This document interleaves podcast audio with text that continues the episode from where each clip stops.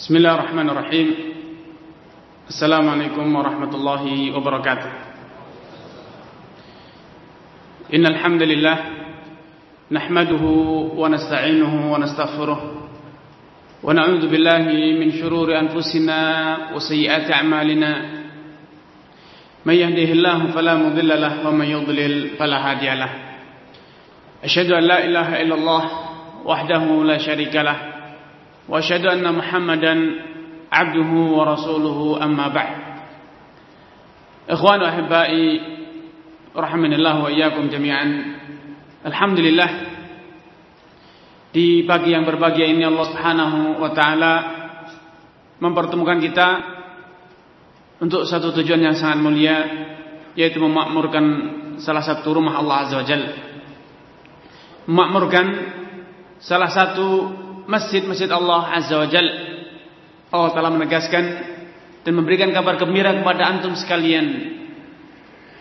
Bahwasanya dengan kerendahan hati antum kelapangan hati antum untuk memakmurkan rumah Allah Azza wa Jal itu adalah indikator nyata bukti nyata bahwasanya antum adalah orang yang beriman. Innama ya'muru masajidallahi man amana billahi wal yaumil akhir. Sejatinya yang memakmurkan masjid Allah yang menjadikan meramaikan masjid Allah itu hanyalah orang-orang yang beriman kepada Allah dan hari akhir. Karena bersyukurlah tatkala Allah Azza wa Jal membukakan pintu hati antum untuk bisa melangkahkan kaki ke masjid Allah Azza wa Jal bukan untuk mencari keuntungan materi ataupun yang lain, bukan untuk kepentingan dagang atau yang lain akan tapi untuk menambah ilmu kita kepada ilmu kita tentang agama yang kita cintai ini. Rasulullah SAW dalam satu riwayat juga menegaskan, "Idza ra'aitumur rajula yartadul masajid fashhadu lahu bil iman." Kalau engkau melihat orang yang rajin yartadu, rajin terus-menerus memakmurkan bolak-balik ke masjid, meramaikan masjid yartadu, ya maksudnya ialah terus-menerus mengunjungi masjid, terus-menerus memakmurkan masjid. Fashhadu lahu bil iman. Maka persaksikanlah ketahuilah bahwa dia itu adalah orang yang beriman. Karena adalah suatu nikmat yang patut disyukuri dan terus kita lestarikan. Saudaraku seiman dan sakidah rahmanallah wa iyyakum. Tema yang menjadi pembicaraan kita di pagi ini ialah tema tentang perniagaan yang saya beri judul indahnya berniaga dan delapan kunci sukses perniagaan atau pengusaha. Jadinya tema ini sering dikulas, sering dibahas para motivator, para pakar ekonomi, Uh, kemudian para pengamat ekonomi sering kali berbicara, membicarakan dan mungkin dari yang hadir di sini ada salah satu dari mereka atau lebih dan memiliki telah memiliki banyak pengalaman dalam uh, berdagang. Namun tidak masalah bila kita sedikit uh, meluangkan waktu untuk melihat bagaimana konsep, bagaimana cara pandang seorang muslim dalam mengarungi dan dalam menjalankan aktivitasnya sebagai seorang pengusaha. Bisa jadi Anda sukses. Namun yang jadi masalah apa standar sukses Anda? Selama ini kita hanya menilai, hanya mengetahui mayoritas kita sering kali menganggap beranggapan bahwa standar sukses itu bila keuntungan berlipat ganda dan uh, harta kekayaan, aset perusahaan, anak perusahaan terus tumbuh kembang. Seringkali kita mengukur suatu sukses ialah tatkala kita berhasil masuk dalam daftar orang terkaya. Baik tingkat kecamatan, kabupaten, provinsi, negara dan mungkin juga tingkat internasional. Mungkin itulah standar sukses kita. Namun Kalau kita renungkan, kalau kita pikirkan lebih jauh, terlebih kalau kita lihat dari kacamata syariat, belum tentu itu sukses. Belum tentu itu sukses. Karena sukses yang sejati itu bila betul-betul Anda menikmati sukses tersebut. Bukan diperbudak oleh simbol-simbol kesuksesan. Betul banyak orang yang nampaknya sukses, namun sejatinya hatinya gersang, dan ia tidak pernah merasakan enaknya menjadi orang sukses. Sehingga apa yang terasa? Uh, pahit, pedih, sakit dan derita. Apalagi na'udzubillah bila harus berakhir dengan kisah yang tragis. Allah Subhanahu wa taala telah menceritakan dalam Al-Qur'an Karim banyak kisah-kisah umat-umat sebelum kita yang semuanya itu diceritakan untuk kita renungkan, untuk kita ambil ibrah Afala yatadabbarun, afala yatafakkarun. Kemudian inna fi dzalika ayat. Banyak ayat yang menceritakan setelah menceritakan kisah-kisah umat sebelum kita yang mengalami sukses, mendapatkan sukses luar biasa untuk urusan dunia. Namun ternyata semuanya harus hancur berantakan. Semuanya harus berakhir dengan tragis. Korun dan Fir'aun misalnya. Dua contoh nyata. Korun seorang pengusaha, seorang pengusaha sukses luar biasa kekayaannya. Sampai gudang emasnya itu hanya kuasa diangkat oleh kuncinya hanya kuasa diangkat oleh 40 lelaki gagah perkasa. Kuncinya belum emasnya. Wa inna mafatihahu latana'u bihi latanu bihi ulul usbah. Kunci gudangnya itu 40 orang saja keberatan mengangkatnya. Berapa banyak? gudangnya, berapa banyak apa namanya e, harta kekayaannya. Namun antum semua tahu bagaimana akhir perjalanan Korun.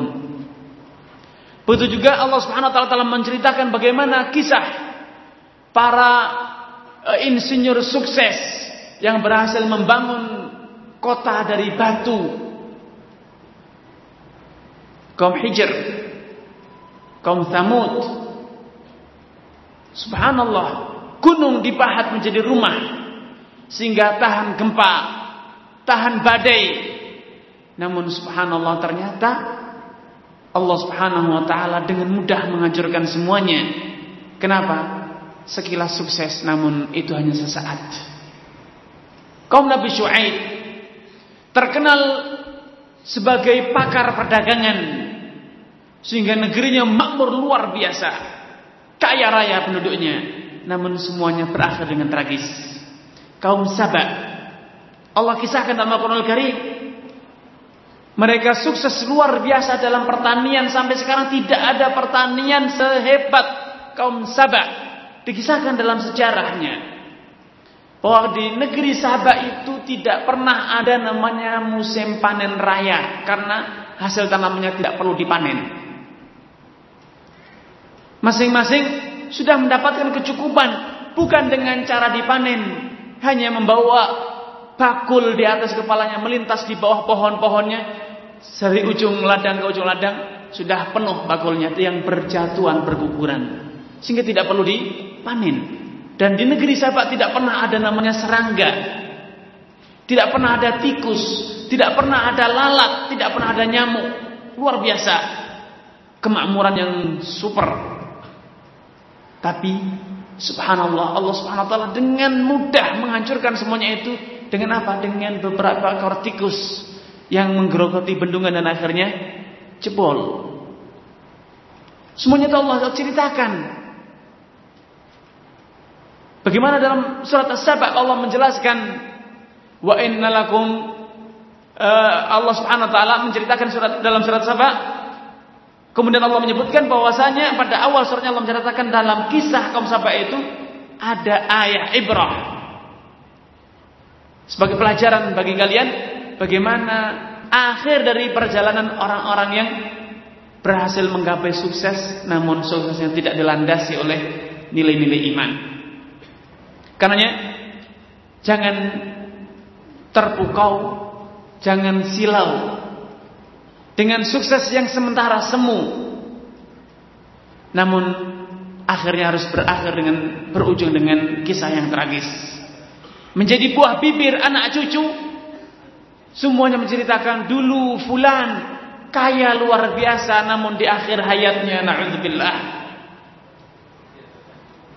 sukses sesaat tapi nama terabadikan bukan dengan memori indah bukan dengan nama yang harum akan tetapi setiap orang yang mengingatnya pasti mengelus dada. Nauzubillah jangan sampai seperti dia. Kaya luar biasa sesaat, namun di saat sudah tua semuanya sirna. Keluarganya broken, semuanya hancur berantakan. Apa itu sebabnya? Karena sukses yang sementara itu hanya sekedar uluran.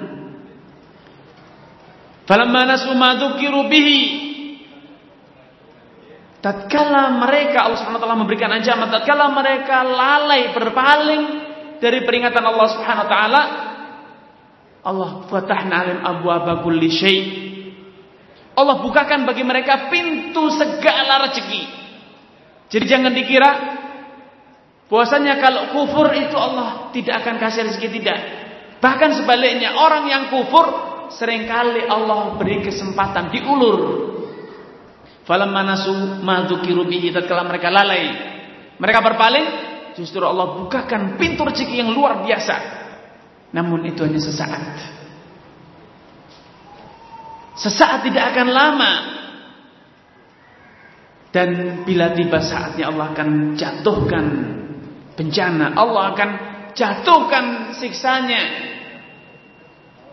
Falamma nasu ma dzukiru fatahna alaihim abwaba kulli syai. Kami bukakan pintu semua rezeki. Karena jangan pernah ada persepsi, jangan pernah terperdaya dengan ucapan orang Amerika, Jepang itu orang kafir, Korea penyembah berhala, tidak beriman kepada Allah. Cina komunis, tidak beriman kepada Allah. Kenapa ekonominya maju? India mereka orang kafir, beragama Hindu, tapi ekonominya luar biasa. Kenapa negara kita, negara dengan mayoritas umat Islam, penduduk Muslim, kenapa jumlah orang miskin di negeri kita begitu besar dan bahkan mayoritasnya adalah dari kalangan umat Islam yang miskin. Tidak perlu aneh. Bukan hal yang asing karena keberhasilan itu Percayalah tidak akan lama. Itu hanya sesaat.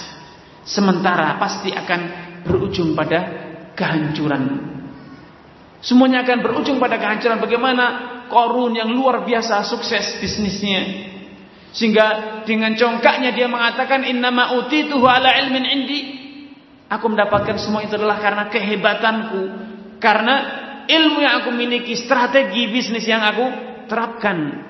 Tapi subhanallah itu tidak lama sesaat dan semuanya itu sirna, hancur berantakan.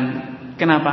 Karena sukses yang dibangun tidak di atas nilai-nilai iman. Karena ikhwan wahibbai, kesempatan ini saya ingin mengajak antum sekalian mengingatkan antum sekalian bahwasannya hidup kita kita harus merintis sukses bukan dengan sekedar angka pertumbuhan yang besar, kelipatan yang terus bertambah dan tidak pernah berhenti, bukan. Tapi lihatlah dan tanyakan bagaimana sukses tersebut bisa terwujud. Bagaimana sukses tersebut bisa terwujud? Kalau sukses ternyata harus mengorbankan iman, sukses ternyata harus mengorbankan nilai-nilai takwa, maka apalah artinya sukses tersebut. Itu bukanlah sukses, itu namanya rugi. Karena dahulu Rasulullah SAW suatu hari bertanya, memberikan ujian kepada para sahabatnya, ada deruna manil muflis? Tahukah kalian siapa orang yang muflis? Orang yang rugi dari kalian? Orang yang pailit, orang yang bangkrut dari kalian siapa? Rasulullah SAW menguji para sahabatnya dan para sahabat spontan berkata, sesuai dengan pola pikir masyarakat pada umumnya. Ia mengatakan al-muflisu fina man la dirham lahu wala mata'. Orang yang pailit di kita itu adalah orang yang dia sudah tidak punya lagi dinar dan juga tidak punya perhaba aset, tidak punya barang. Man la dirham malah tidak punya dirham, uang dirham tidak punya, aset juga tidak punya. Itulah sejatinya orang yang pailit kata para sahabat. Standarnya apa? Angka. Standarnya adalah angka. Namun Rasulullah SAW mendudukkan masalah, memberikan klarifikasi bahwa angka sekian pertumbuhan sekian persen dan sekian sekian itu bukanlah standar keberhasilan. Kenapa angka itu bisa berubah? Yang sekarang minus bisa surplus bisa untung yang sekarang untung besok bisa buntung. Namun yang benar-benar muflis kata Rasulullah, orang yang benar-benar pailit man ya'ti yaumal qiyamah. Orang yang kelak di hari kiamat dia datang dengan biajrin ka amsalil jibal. Dengan pahala yang menggunung bagaikan pegunungan besar, pahalanya, banyak sekali. Namun apa yang terjadi? Semasa hidupnya ia telah menghalalkan segala macam cara dalam hidupnya. Wa daraba dia memukul ini. Wa safaka dia membunuh ini dan itu. Wa akala malah dan dia merampas memakan harta orang. Maka semua amal yang begitu besar, pahala yang begitu besar akan dibagi-bagikan, digunakan untuk menebus dosa-dosa yang pernah ia lakukan di dunia. Sehingga Ketika pahala dia, stok pahala dia sudah tidak tersisa, maka dosa orang-orang yang pernah dia rampas haknya akan dipikulkan kepadanya, dibebankan kepadanya, maka dia akan diceburkan ke dalam neraka. Bukan karena dosanya sendiri tapi karena dosa orang lain. Alhamdulillah. Itulah orang yang pailit. Sehingga seorang muslim tatkala berpikir menjadi seorang pengusaha, hendaknya dia berpikir Keuntungan dalam kamus pengusaha muslim bukan hanya sekedar angka yang terus berlipat ganda, tapi standar keuntungan adalah bagaimana dia mendapatkan angka tersebut. Dari mana dia mendapatkan keuntungan tersebut itulah standarnya. Apakah halal atau tidak? Karena Rasulullah SAW suatu hari memberikan peringatan kepada para sahabatnya. Lantazula qadama abdin yaumal qiyamah. Ingat wahai umatku, Ingat, ingat wahai sahabatku, kedua kakimu tidak mungkin bergeser kelak di hari kiamat. Engkau tidak mungkin berpindah tempat di hari kiamat sampai engkau akan mempertanggungjawabkan empat hal. Hatta yus'ala an arba' diminta pertanggungjawaban tentang empat hal. Dari keempat hal tersebut, wa an malihi min aina kasabahu wa fima anfaqahu. Hartanya Kekayaannya dari mana ia peroleh dan ke mana dia belanjakan. Inilah standar sukses seorang pengusaha muslim. Bagaimana dia berniaga dan setelah dia berhasil ke mana dia belanjakan. Ke mana dia belanjakan. Karena kalau anda ingin menjadi pengusaha yang benar-benar berjiwa muslim, jangan hanya berpikir bagaimana saya mendapat keuntungan. Namun berpikirlah akan saya kemanakan keuntungan saya nanti? Untuk apa keuntungan yang saya akan peroleh?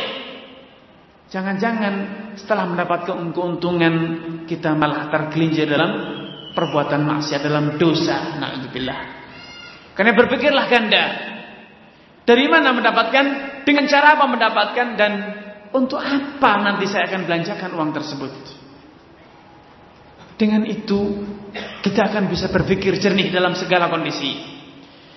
Baik, tidak berpanjang lebar kita akan masuk pada tema pembahasan kita di pagi hari ini. Bangsa kita adalah bangsa yang besar dengan jumlah penduduk 240 juta kira-kira. Jumlah yang sangat besar dan kita menempati uh, urutan kelima di dunia dalam jumlah penduduk besar sekali. Namun sayangnya bangsa kita ini bangsa yang hanya bisa membeli, hanya bisa mengkonsumsi hanya bisa menggunakan. Tapi bangsa kita ini tidak bisa memproduksi, tidak bisa menghasilkan, tidak bisa menjual. Karena sampai garam saja Pak. Garam yang jangan dikira garam yang ada di dapur Bapak yang Bapak nikmati yang itu merupakan syarat mutlak agar makanan itu enak. Ternyata itu garam dari mana datangnya Pak? Dari negeri lain ternyata diimpor dari bangsa Indonesia minus produksi garamnya. Konsumsinya lebih besar dibanding produksinya. Padahal Indonesia di mana-mana lautan. Bapak menghadap ke mana saja akan berujung dengan lautan. Tapi ternyata kita kekurangan garam. Justru kita impor garam dari negara-negara yang panjang pasirnya, panjang apa namanya, pesisirnya itu lebih pendek dibanding jumlah lautan di kita. Dari Vietnam, dari India, dari Bangladesh, lihatlah pendek sekali lautan mereka, namun mereka berhasil memproduksi garam yang melimpah ruah sehingga bisa diekspor ke negeri kita. Jangan dipikir garam. Pemerintah mencanangkan program masyarakat berpindah mengurangi ketergantungan terhadap beras dan ternyata program tersebut gagal total. Dan ternyata beras yang kita makan, beras yang disimpan oleh Bulog ternyata itu bukan beras yang dihasil oleh petani kita namun ternyata itu adalah kebanyakannya beras yang dihasilkan oleh petani Vietnam, Thailand dan lain sebagainya. Padahal lihatlah ladang pertanian mereka lebih sedikit dibanding kita. Tapi kenapa mereka bisa suasembada beras bahkan bisa mengekspornya. Tapi kita konon negara kita negara agraris. Tapi ternyata kekurangan segala jenis hasil tanam. Tempe, Pak. Kalau tidak makan tempe tahu, kayaknya bukan menu Indonesia.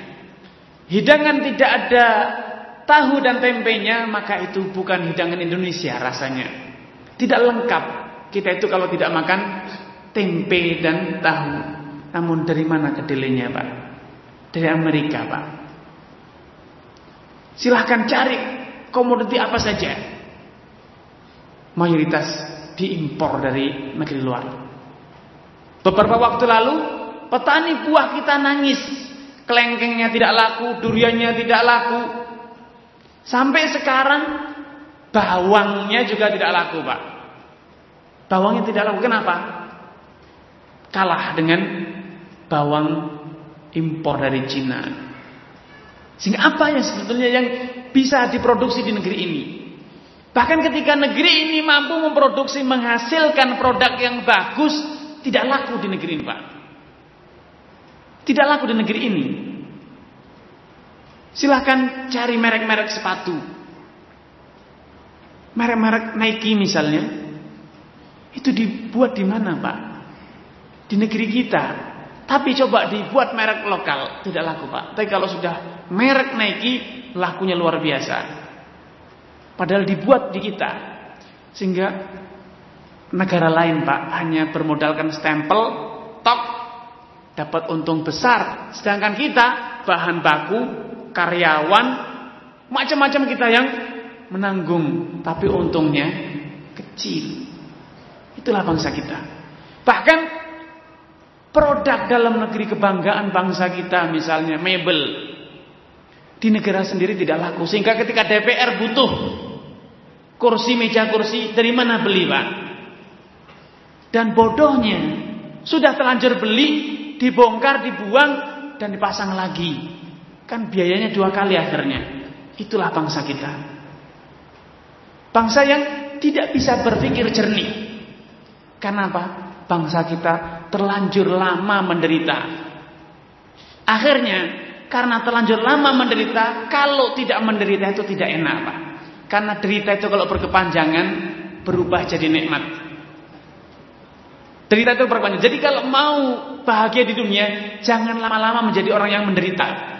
Segera berubah. Bangsa ini 350 tahun dijajah. Belanda. Oleh Jepang sekian tahun, tiga tahun lebih. Sehingga rasanya kalau tidak menjadi bangsa budak, bangsa yang hanya bisa mengekor itu tidak enak, Pak. Tidak enak rasanya. Sehingga apa? Produk kalau mereknya sendiri tidak laku. Tapi kalau sudah merek luar, wah, keren. Produk apa? Impor. Luar biasa memang bangsa ini. Memang bangsa yang sudah terlanjur enjoy dengan derita. Jadi kalau tidak derita, tidak menderita itu bukan bangsa sendiri. Bukan bangsa Indonesia rasanya kalau tidak menderita. Makanya lihatlah tatkala bangsa kita itu berhasil membangun Suramadu walaupun tenaga kerjanya modalnya dari Cina, tapi rasanya kalau tidak menderita tidak enak, Pak. Baru jadi sekrupnya dicopoti, Pak. Kenapa? Biar menderita aja kan cepat rusak. Itulah bangsa kita. Jadi tidak nyaman Pak kalau bangsa ini rasanya itu makmur, bagus, itu rasanya tidak enak. Memang harus menderita. Saya akan buktikan bangsa ini adalah bangsa konsumen. Tahukah Bapak berapa jumlah pengusaha negeri ini? Negeri yang penuh dengan segala potensi kekayaan alam banyak, tenaga, uh, skill melimpah, kita ini kerjanya ekspor TKI TKW. Mencerminkan kita itu punya skill. Pasar besar luar biasa saya akan buktikan. Orang luar negeri ngiler Pak ingin invest di Indonesia. Karena apa? Pasar Indonesia itu besar sekali 240 juta. Itu butuh dari ujung rambut sampai ujung kaki butuh semuanya. Sampo, peci, topi, baju, celana, sendal, makanan semuanya itu 240 juta. Itu luar biasa, pasar yang sangat besar. Tapi berapa jumlah masyarakat yang memanfaatkan potensi besar tersebut? Menurut data dari Departemen UKM Industri Kecil Menengah, jumlah pengusaha kita tahun 2010 baru 1,50 56 persen atau sekitar 3,74 juta pengusaha yang sukses. Yang lainnya pengusaha yang kadang sukses, kadang gagal. Itu yang lainnya, Pak. Jadi belum sukses. Yang sukses baru sekitar ini. Karenanya para pengamat ekonomi mereka mengatakan standar atau oh, suatu bangsa agar bisa menjadi bangsa yang maju, makmur itu paling tidak membutuhkan persentase pengusaha itu sekitar 5 sampai 10 persen. Itu baru bisa maju. Karena lihatlah perbandingan negara tetangga di Malaysia. Berapa jumlah pengusaha di sana? Bila dibandingkan dengan jumlah penduduknya. Di sana 5 persen. Karena di Malaysia tidak kekurangan lapangan pekerjaan penduduknya. Apa yang terjadi? Malah impor tenaga kerja. Kenapa? Mereka punya lapangan pekerjaan yang meluap, apa meluap dan kekurangan tenaga kerja. Kalau hanya mengandalkan tenaga kerja dalam negeri, maka banyak lapangan pekerjaan yang tidak bisa di uh, di tercover, tidak tercover. Tapi bangsa kita apa yang diekspor? Bangsa kita itu hobi ekspor tenaga kerja. Makanya tenaga kerja Indonesia ini di mana-mana, di seluruh ujung dunia Sampai pun ketika Libya bergejolak, Mesir bergejolak, Tunis bergejolak, ternyata KBRI, uh ternyata sampai di Aljazair pun, di Libya ternyata juga ada tenaga kerja kita. Pembantunya Gaddafi ternyata juga dari Indonesia, terkenal. Memang negara pembantu. Jadi kalau mau cari pembantu, carilah di Indonesia. Itulah bangsa kita. Karena suatu saat ketika waktu saya masih di Saudi ketemu dengan beberapa pejabat kita, kita usulkan Pak, apa sih susahnya menghentikan TKI TKW agar tidak masuk Saudi? Gampang saja sudah, tidak ada visa lagi, kita tutup, kan selesai, tinggal keluar SK saja beres. Apa jawabannya? Kalau sudah ditutup, mereka mau kerja apa? Kita pilihan dua, mereka jadi berandal di jalanan, perampok, kriminal meningkat, atau mereka kita ekspor tertentu kerja di negara lain. Karena kita tidak ada lapangan pekerjaan. Memang bangsa kita adalah bangsa karyawan. Hanya bisa mengekspor karyawan. Makanya standar kurikulum pendidikan kita, kurikulum yang hobinya menyesuaikan dengan apa? Minat perusahaan.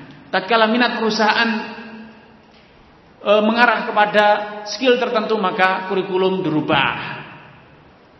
Tatkala perusahaan multinasional banyak masuk negeri kita, maka mereka sudah harus menyiapkan anak-anak kita SMA harus sudah bisa bahasa Inggris untuk bisa apa?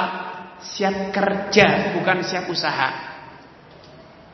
Sehingga siap diserap oleh lapangan pekerjaan. Tidak ingin bangsa ini memiliki pengusaha. Makanya kurikulumnya pun kurikulum karyawan, bukan kurikulum pengusaha. Baru akhir-akhir ini saja bangsa kita dikenal yang namanya entrepreneurship. Motivasi untuk wirausaha itu baru akhir ini. Di saat bangsa lain sudah habis. Sudah tidak ada yang bisa dimotivasi lagi. Semua sudah punya motivasi pengusaha. Tapi bangsa kita ini baru mulai ini.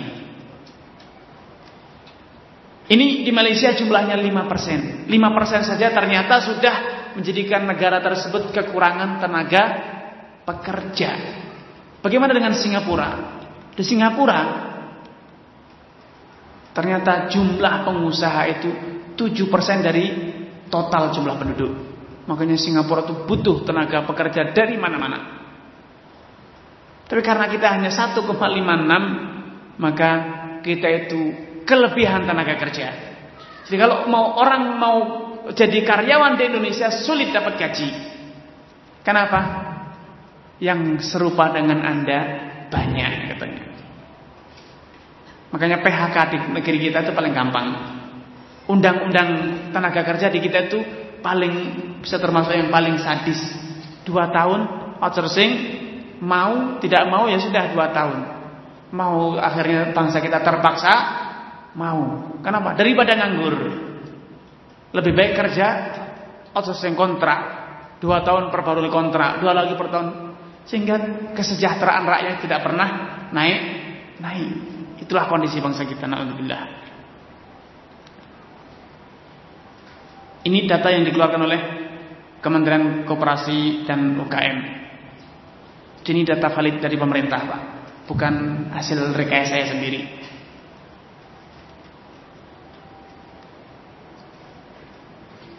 Padahal kalau kita berbicara tentang suatu tatanan ekonomi, maka kita dapatkan dalam Al-Quran satu konsep tatanan ekonomi yang sangat indah, Pak.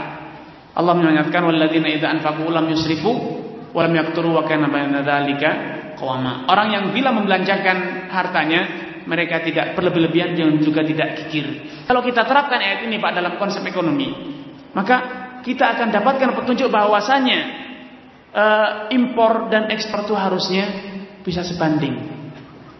Tapi kenyataannya bangsa kita itu sering kali defisit. Impornya lebih besar dibanding ekspornya. Sehingga bangsa kita ini terus kebanjiran produk luar negeri. Produk sampah tidak ada artinya saja masuk ke negeri kita. Apalagi produk yang laku. Nah, ini poin lagi Pak. Sensus penduduk tahun 2005 menunjukkan bahwa bentuk apa namanya uh, umur ditinjau dari umurnya bangsa kita ini akan membentuk satu piramida. Lihat orang yang atau masyarakat yang berumur dari 0 tahun hingga umur 25 tahun, Pak. Itu merupakan jumlah terbesar bangsa ini. Padahal Bapak tahu mereka itu adalah umur-umur konsumtif dan belum produktif. Ngertinya hanya bisa Pak, Bu, minta. Sekolah. Masa-masa sekolah itu masa-masa konsumtif. Sehingga apa? Lihatlah para para pedagang sekarang, Pak. Jajanan-jajanan anak kecil itu semua yang dulu adalah produk tradisional, pasar tradisional, sekarang diproduksi oleh perusahaan-perusahaan besar. Kenapa? Memang menjanjikan produk jajanan anak-anak karena jumlah pasar yang masih besar sekali. Bisa dilihat bisa di, eh, itu mereka itu hampir separuh dari penduduk bangsa ini. Kalau lihat grafik yang umur 0 persen, eh, 0 tahun, 0 tahun sampai umur 25 tahun itu kalau dihitung lebih atau mendekati 100 juta orang pak bangsa ini. Itu mereka itu cuma bisa makan mayoritasnya pak, beli, pakai dan belum bisa produksi. Itu umur umur konsumtif. Makanya lihatlah perusahaan multinasional itu ngiler untuk bisa investasi di Indonesia. Karena mayoritas penduduk kita ini lagi hobi beli dan belum bisa menjual.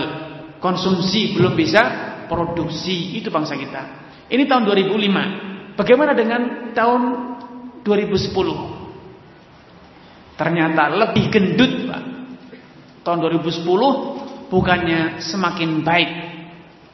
Umur konsumtifnya ternyata semakin besar. Umur 0% sampai 1 tahun itu ternyata sekitar 24 juta Pak.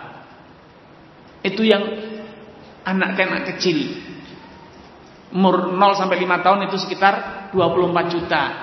5 tahun sampai 10 tahun sekitar 24 juta lagi itu garis kedua dari bawah.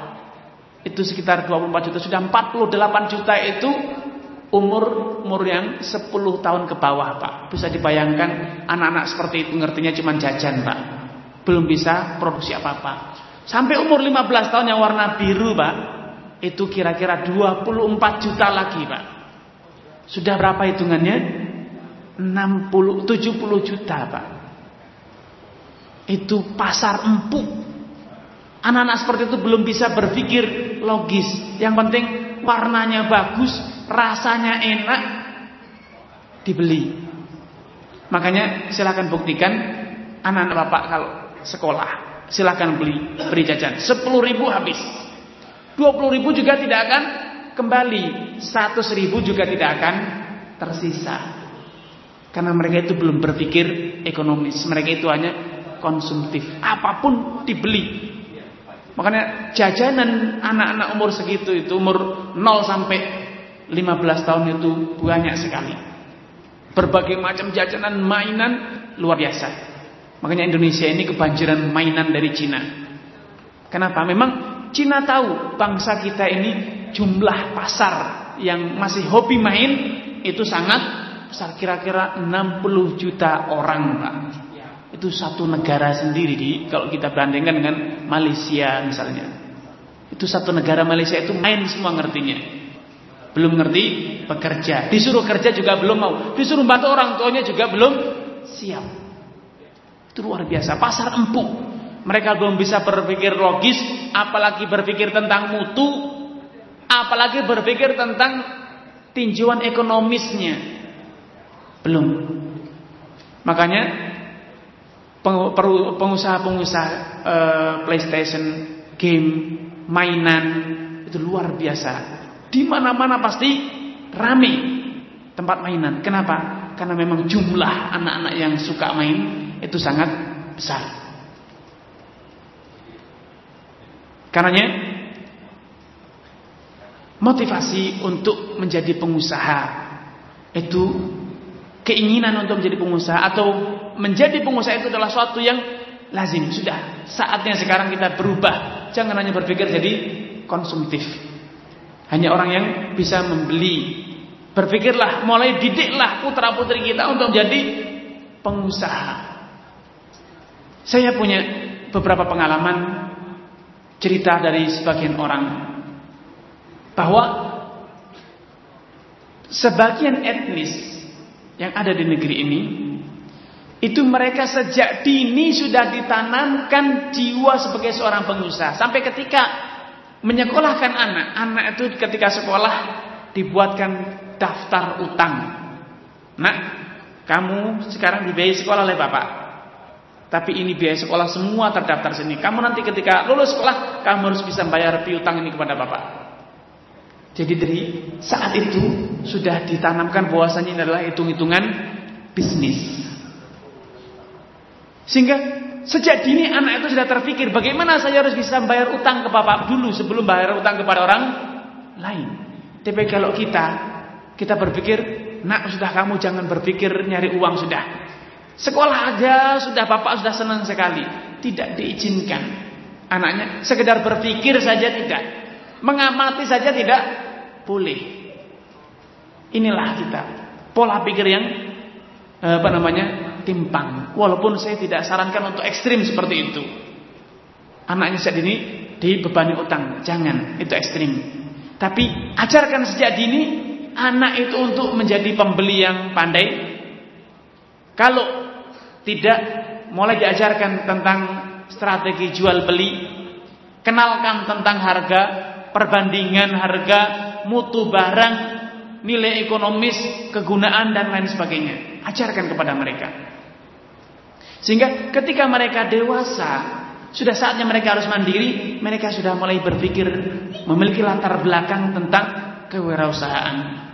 Ajak mereka ke tempat tempat eh, sentral industri, agar mengamati agar kreativitas sebagai seorang calon pengusaha itu mulai tumbuh.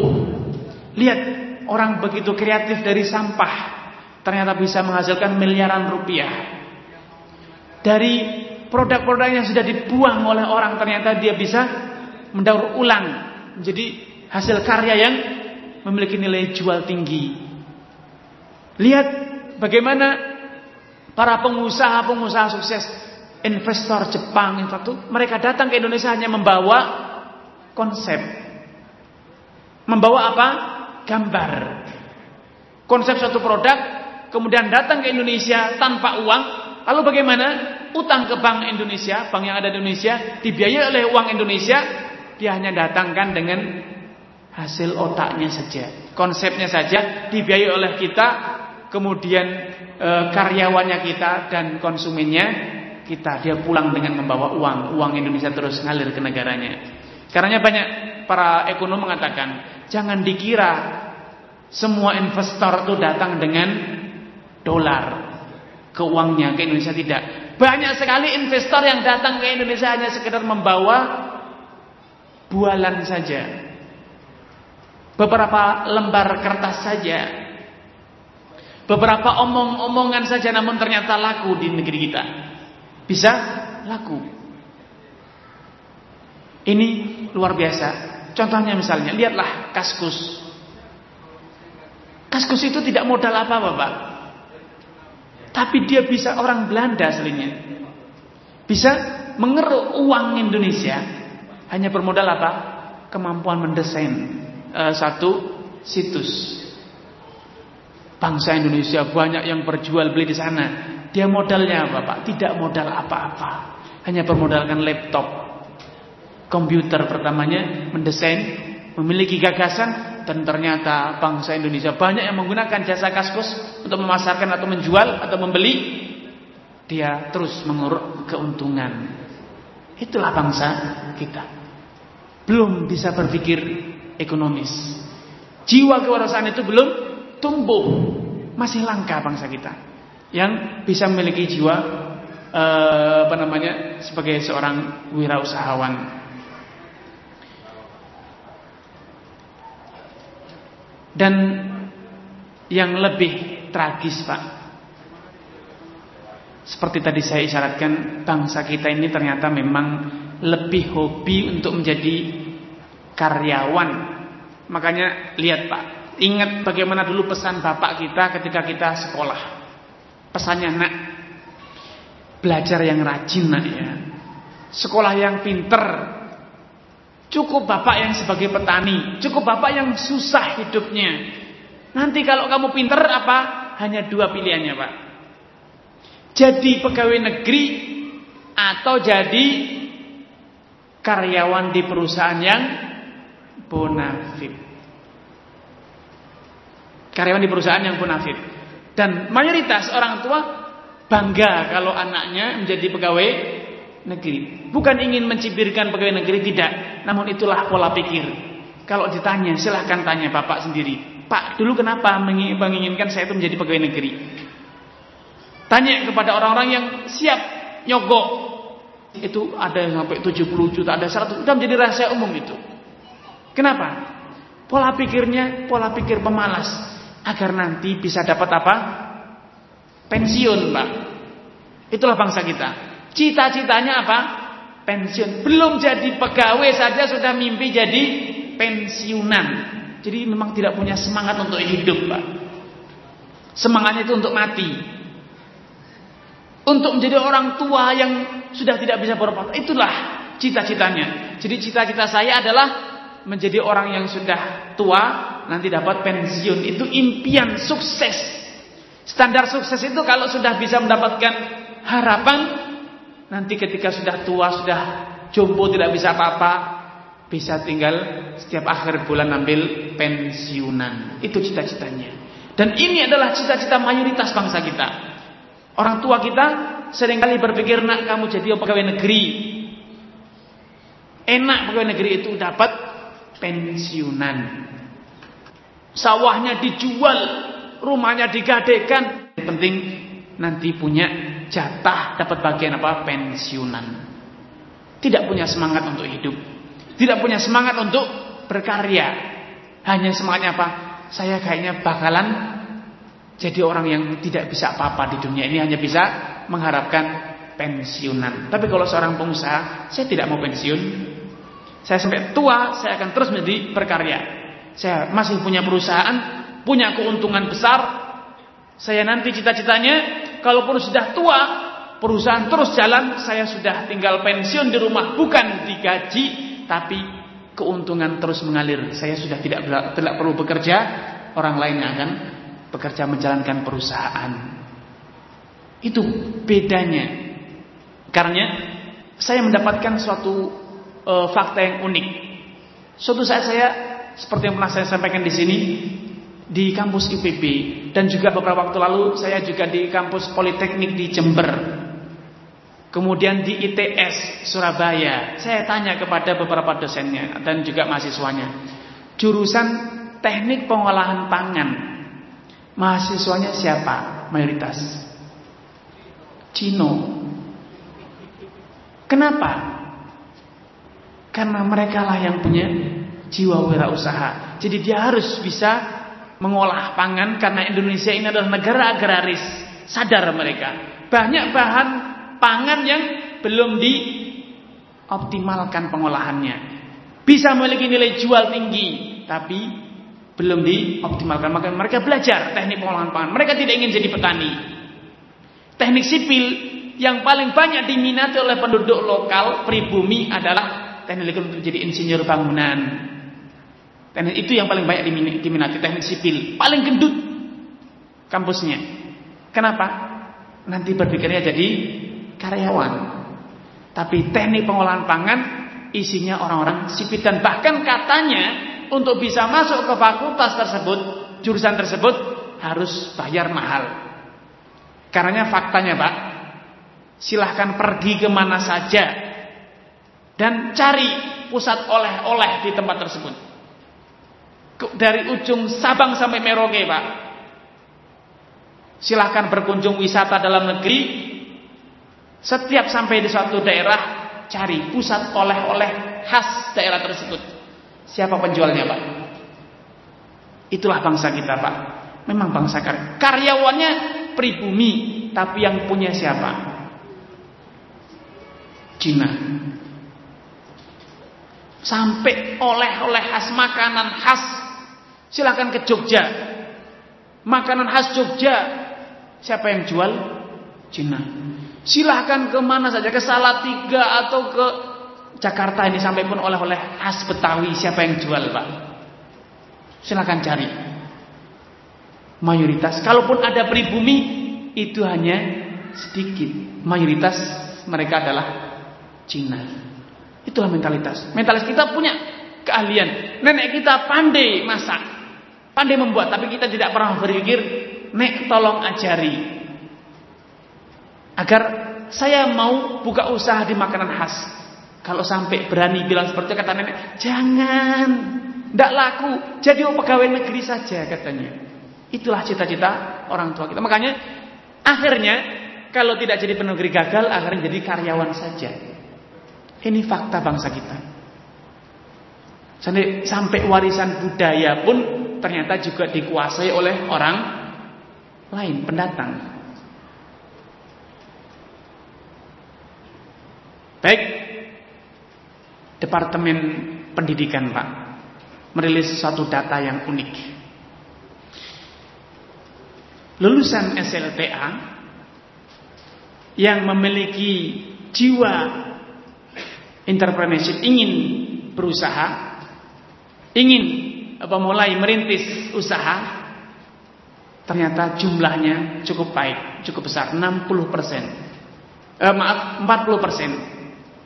Cukup bagus Pak, walaupun dominannya menjadi karyawan 60 persen. Makanya biasanya sebelum lulus SMA yang laku akhir-akhir tahun yang paling laku di toko buku adalah map, map untuk lamar kerja. Dan silahkan yang lulus S1 lihat data berikut Pak. Mungkin Bapak mengatakan, oh saya S1. Lihat ternyata Semakin tinggi pendidikan kita, justru semangat untuk wirausaha itu semakin padam, bukan semakin naik. Hanya tinggal 17% lulusan S1 yang ingin merintis usaha. Karenanya yang pernah kuliah lihatlah, ingat memori kemarin sebelum lulus atau sekarang yang semester terakhir, apa hobinya, Pak?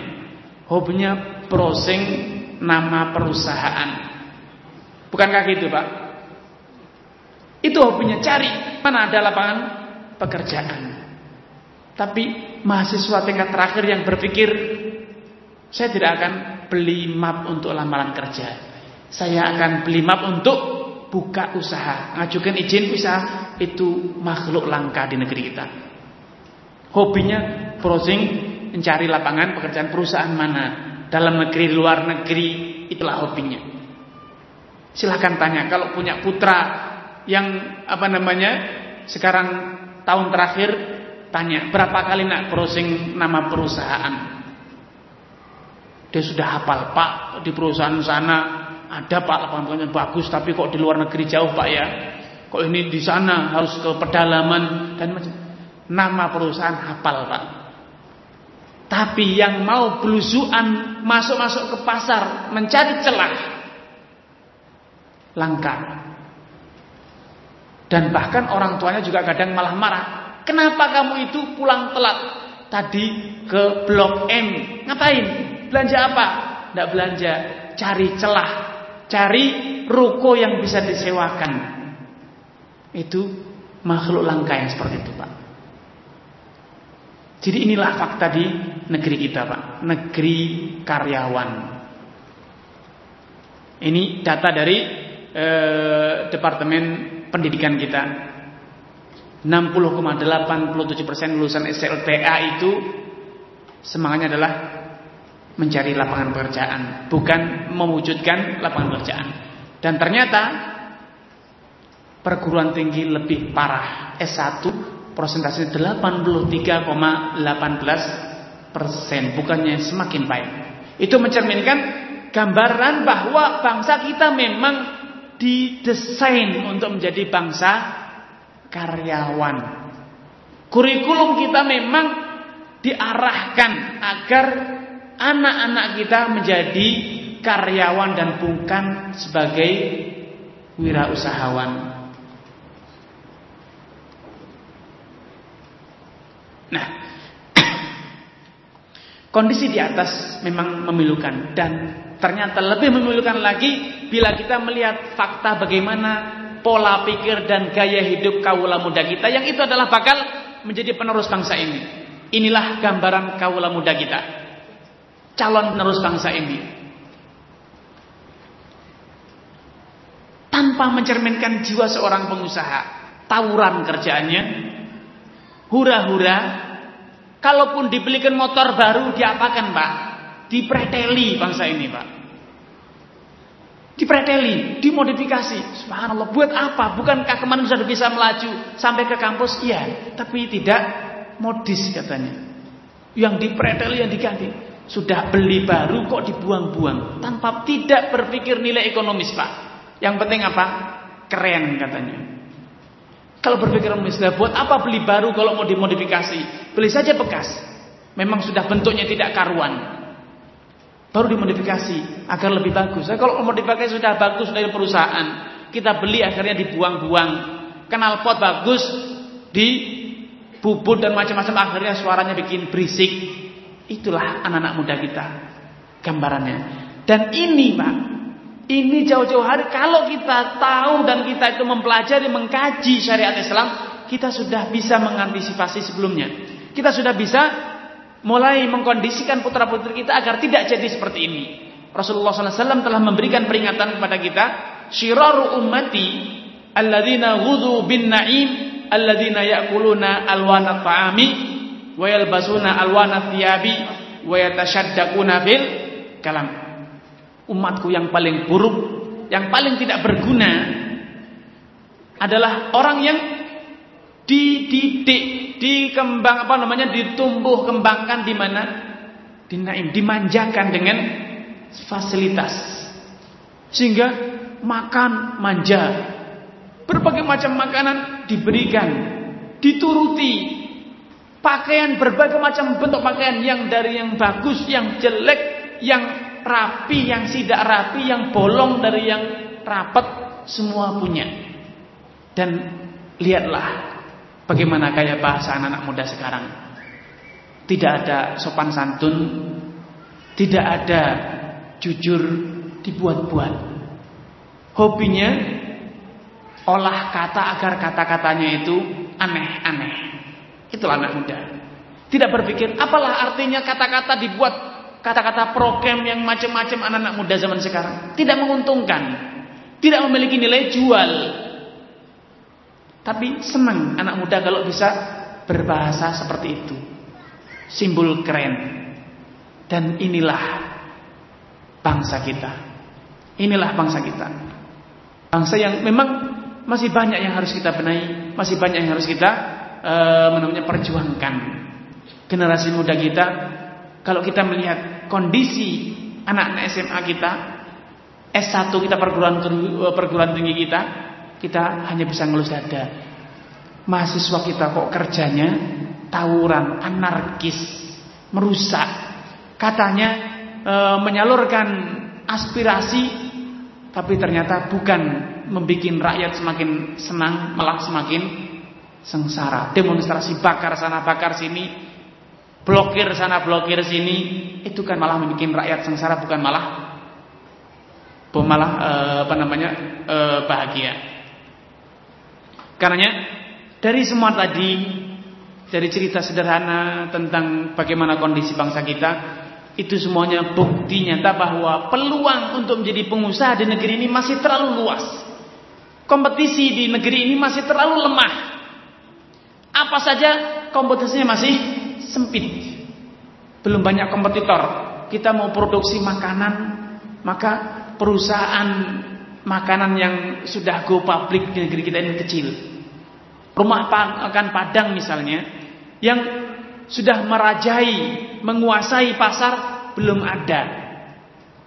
Sehingga siapa pun masih bisa terjun ke makanan Padang. Kita mau makanan Sunda, belum ada perusahaan yang menguasai pasar makanan Sunda. Pakaian misalnya. Belum ada perusahaan lokal yang menguasai merek di e, pasar. Belum ada. Masih warna-warni. Setiap merek punya pasar yang kecil-kecil. Belum ada monopoli di sektor makan e, pakaian. Dan masih banyak lagi yang belum ada monopolinya. Masih bisa kita terjun. Karena belum ada. Kalau kita sudah harus berhadapan dengan perusahaan besar, maka itulah saatnya kita itu akan sulit untuk bisa menang. Tapi ternyata perusahaan-perusahaan besar di berbagai sektor di negeri kita ini belum banyak. Belum banyak sehingga kita masih punya harapan besar untuk masuk ke sana. Sampai pun misalnya eh, distribusi beras, perusahaan yang memonopoli beras di Indonesia belum ada. Sehingga kalau kita buka warung kelontong di mana pun masih bisa punya prospek untuk laku. Kenapa belum dimonopoli oleh perusahaan besar? Karena jangan menanti sampai nanti ada perusahaan besar yang memonopoli. Malailah sehingga kita bisa mendapatkan bagian dari sukses menjadi pengusaha yang eh, apa namanya untung besar. Terlebih Rasulullah Sallallahu Alaihi Wasallam telah menjelaskan bahwa dunia usaha itu adalah salah satu mata pencarian yang paling barokah, paling bagus. Atyabul kas kata Rasulullah mata pencarian yang paling menguntungkan, paling barokah, paling paling eh, apa namanya? paling mudah. Itulah dunia usaha. Kullu tijaratin perdagangan yang baik.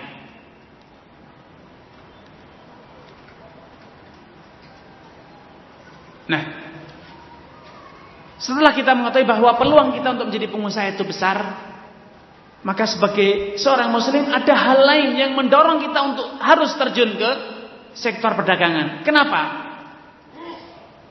Kenapa kita harus terjun?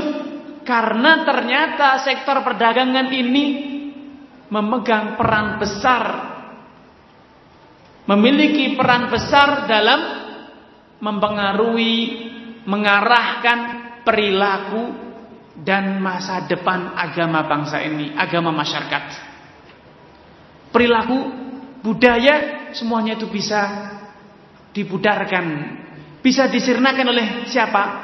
Para pengusaha. Lihatlah contoh misalnya. Dulu ibu-ibu kita, anak-anak kita pakaiannya adalah ini, rok panjang, kebaya. Ini dulu pakaian mayoritas kita. Nenek-nenek kita rata-rata pakai ini. Ibu-ibu kita rata-rata pakai pakaian rok panjang dan kebaya. Tapi sekarang berbeda. Nenek kita sudah pakai rok mini. Siapa yang membuat Pak? Sudah pakai tank top Pak. Nenek-nenek itu Pak. Kalau dulu nenek itu malu berpakaian seperti itu. Pakainya kebaya. Tapi sekarang sudah itu tinggal cerita Pak. Siapa yang menjadikan nenek kita sudah tidak malu lagi untuk mengenakan pakaian seperti ini? Para pedagang. Karena mereka sedikit demi sedikit dulu kalau kita e, runut sejarahnya, ketika masyarakat masih menggunakan rok panjang, kebaya, dibuatlah produk yang namanya celana kulot Pak. Ingat Pak ya, celana yang ibu-ibu panjang dan gombrang. Namun ternyata modis terus mengerucut. Makin disempitkan, makin sempit menjadi celana panjang biasa. Setelah menjadi celana panjang, panjang yang dikurangi Pak. Sedikit demi sedikit sampai akhirnya menjadi rok mini dan menjadi celana pendek. Nenek-nenek kita sudah pakai. Saya tuh sampai heran. Ke mana saja saya itu ngitung Pak. Sering sekali ngitung. Yang pakai jilbab tanpa celana panjang Pak jilbab pakai abaya panjang. Tuh sampai di bandara saya itu pernah hitung-hitungan tak. Yang pakai jilbab tapi tidak pakai celana ketat. Saya selama satu jam tidak bisa mendapatkan 10 pak. Pernah saya hitung di bandara Surabaya. Satu jam saya menanti. Yang ibu-ibu pakai jilbab namun tidak pakai celana. Sekarang jilbab itu meluar luar biasa. Di mana-mana pakai jilbab. Tapi yang bawahnya telanjang, Pak. Atasnya dikerudungi, tapi di bawahnya cuma beda warna saja.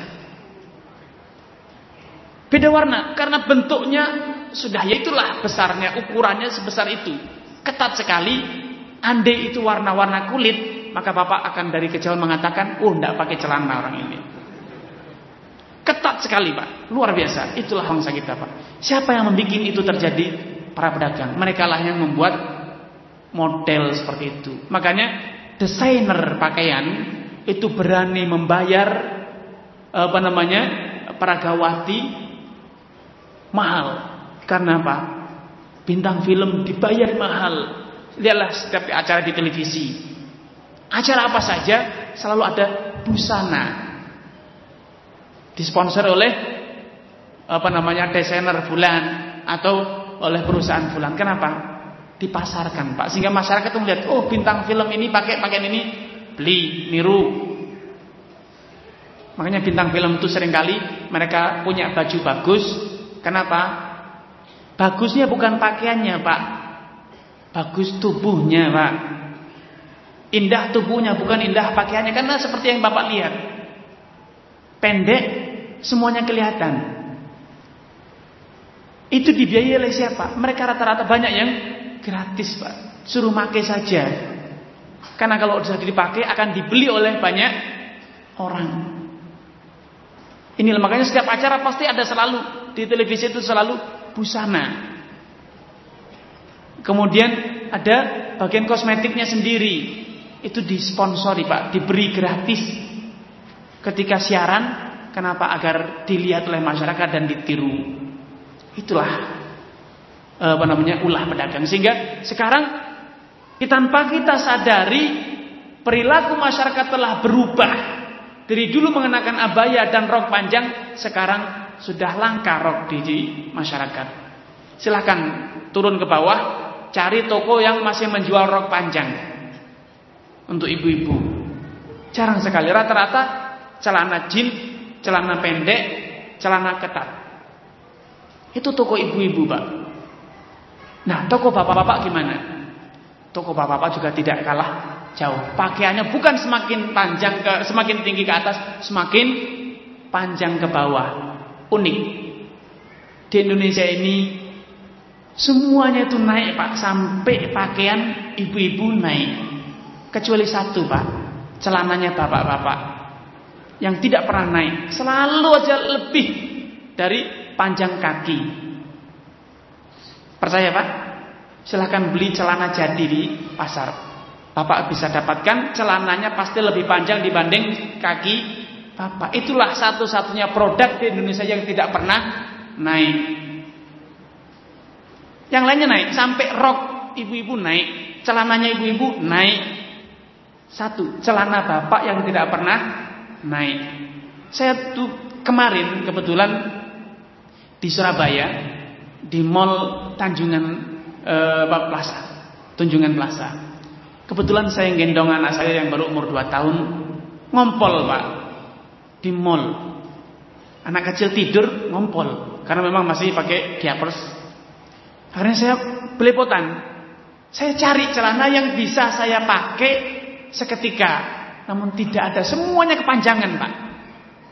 Saya lipat itu tiga kali kelipet masih panjang. Saya kan saya berpikir, saya bilang kepada istri saya ini memang satu-satunya produk di Indonesia yang tidak pernah naik, awet banget. Tapi kalau yang lainnya semua naik, harganya naik, bahannya naik, semuanya naik sampai rok wanita pun ikut naik. Tapi ini yang awet tidak pernah naik, Pak. Sampai pun bajunya pun sekarang Pak, baju itu pun baju wanita, Bapak bisa tahu sendiri sampai naik naik naik. Udelnya sudah kelihatan, sudah tidak ada yang di tutupi lagi. Atas turun, bawah naik. Itu kondisi yang ada di masyarakat. Itu semua adalah ulah pedagang, Pak. Bukan ulah para kiai. Kiai itu sudah capek ngajari jangan dipakai, tidak didengar. Mereka lebih percaya dengan pedagang. Asal dijual laku. Asal ditunjukkan di televisi laku. Itulah para pedagang. Makanya eh, perusahaan televisi itu kaya raya promosinya luar biasa, berbagai merek dipromosikan, diiklankan di televisi dan semua yang masuk televisi pasti laku. Cepat sekali. Dan kondisi ini sebetulnya sudah kondisi yang jamak.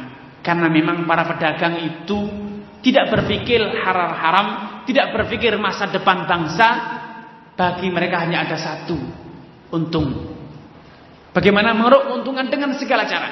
Karena dahulu Rasulullah SAW ketika masuk ke pasar, sidak di pasar, beliau memberikan peringatan, ya masyarakat tujar, para pedagang itu tujar katanya, keji. Kecuali pedagang yang memiliki tiga kriteria ini. Siapa mereka? Para pedagang yang bertakwa kepada Allah. Kemudian ketika pedagang mereka berbuat baik, perdagangannya baik, produk yang diperdagangannya juga baik, dan yang ketiga senantiasa jujur. Hanya mereka lah yang terbebas dari tuduhan, Pak. Selebihnya mereka semuanya dalam tanda kutip.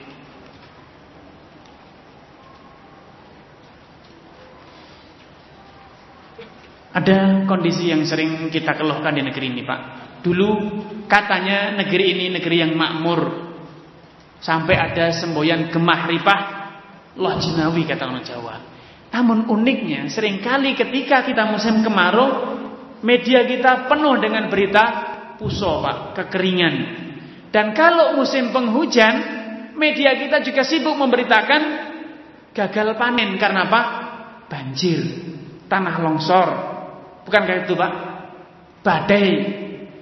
Itu media kita lah terus bagaimana kapan bangsa ini bisa mengalami panen raya tanpa gangguan banjir atau tanpa gangguan kekeringan. Ini kondisi negara kita sekarang. Sehingga semboyan yang dulu katanya gemar oleh banjir itu cuman dongeng sekarang ini, Pak. Begitu juga ini. Negara agraris tapi cabai kok mahalnya luar biasa. Cabai bisa sampai seharga 100 ribu. Sampai 120 ribu. Buah-buahan, sayur-sayuran juga sampai mahal. Beras di negeri kita juga mahalnya luar biasa. Padahal kalau di petani murahnya luar biasa. Tapi kalau sudah sampai di pasar mahalnya luar biasa. Apa yang menjadikan semua itu terjadi? Semua itu terjadi juga karena ulah pedagang ternyata Pak. Rasulullah SAW telah menjelaskan bahwa di antara sebab terjadinya paceklik adalah karena maraknya perilaku curang para pedagang. Rasul menjelaskan la yakusul qaumun al-mikyal wal mizan illa ukhidhu bisinin. Tidaklah suatu masyarakat telah membudaya di mereka perilaku curang dalam menimbang, curang dalam apa menakar kecuali mereka akan ditimpa dengan apa sinin paceklik ditimpa oleh kekeringan wa jauris sultan alaihim dan perilaku pemerintah yang kejam.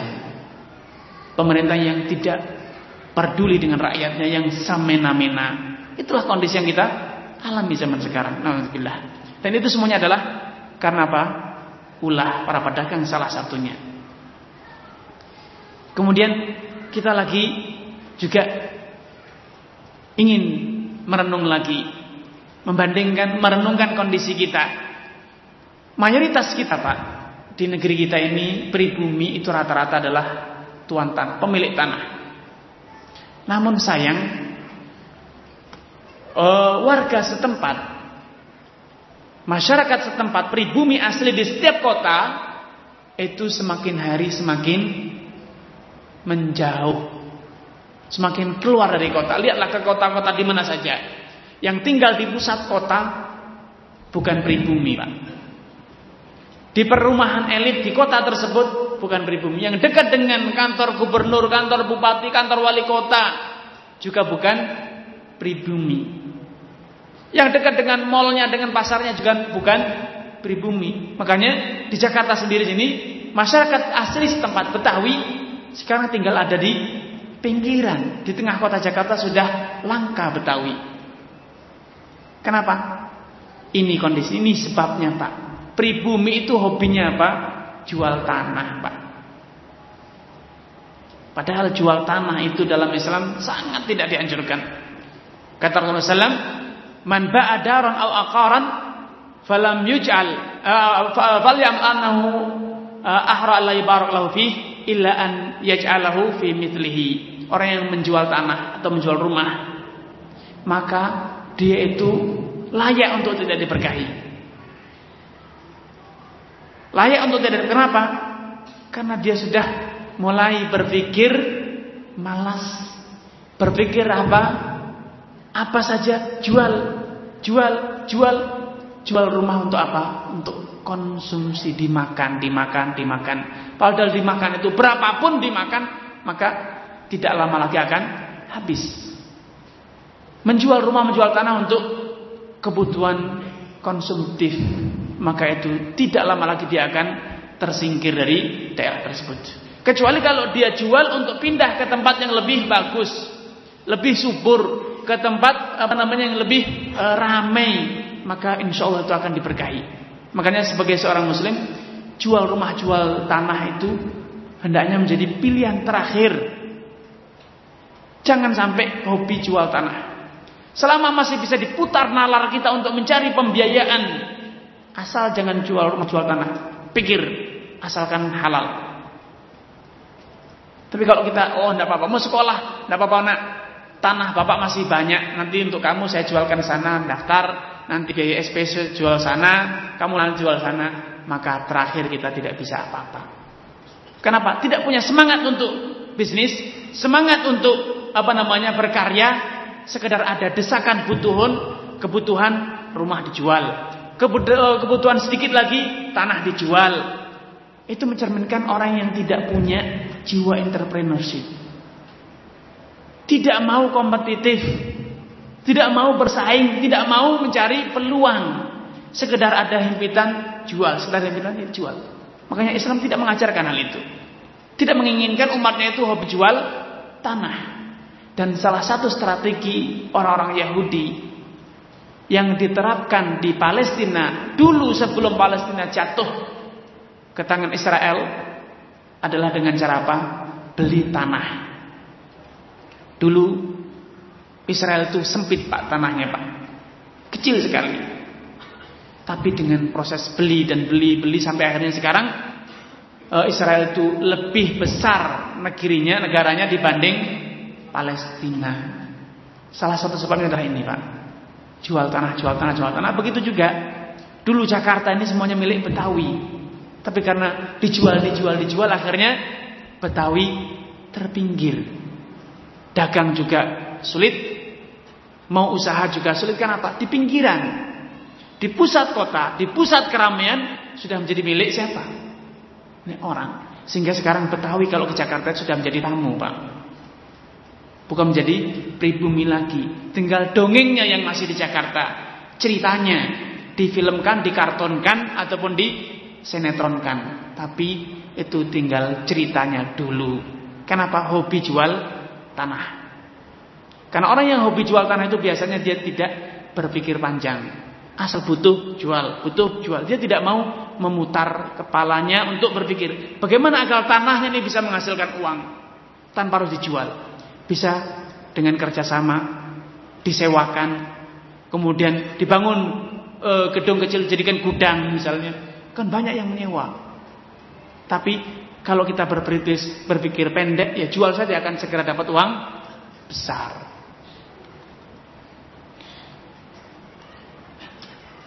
Nah, beberapa alasan di atas itu saya rasa cukup untuk mendorong kita agar kita mulai memberanikan diri terjun ke dunia usaha.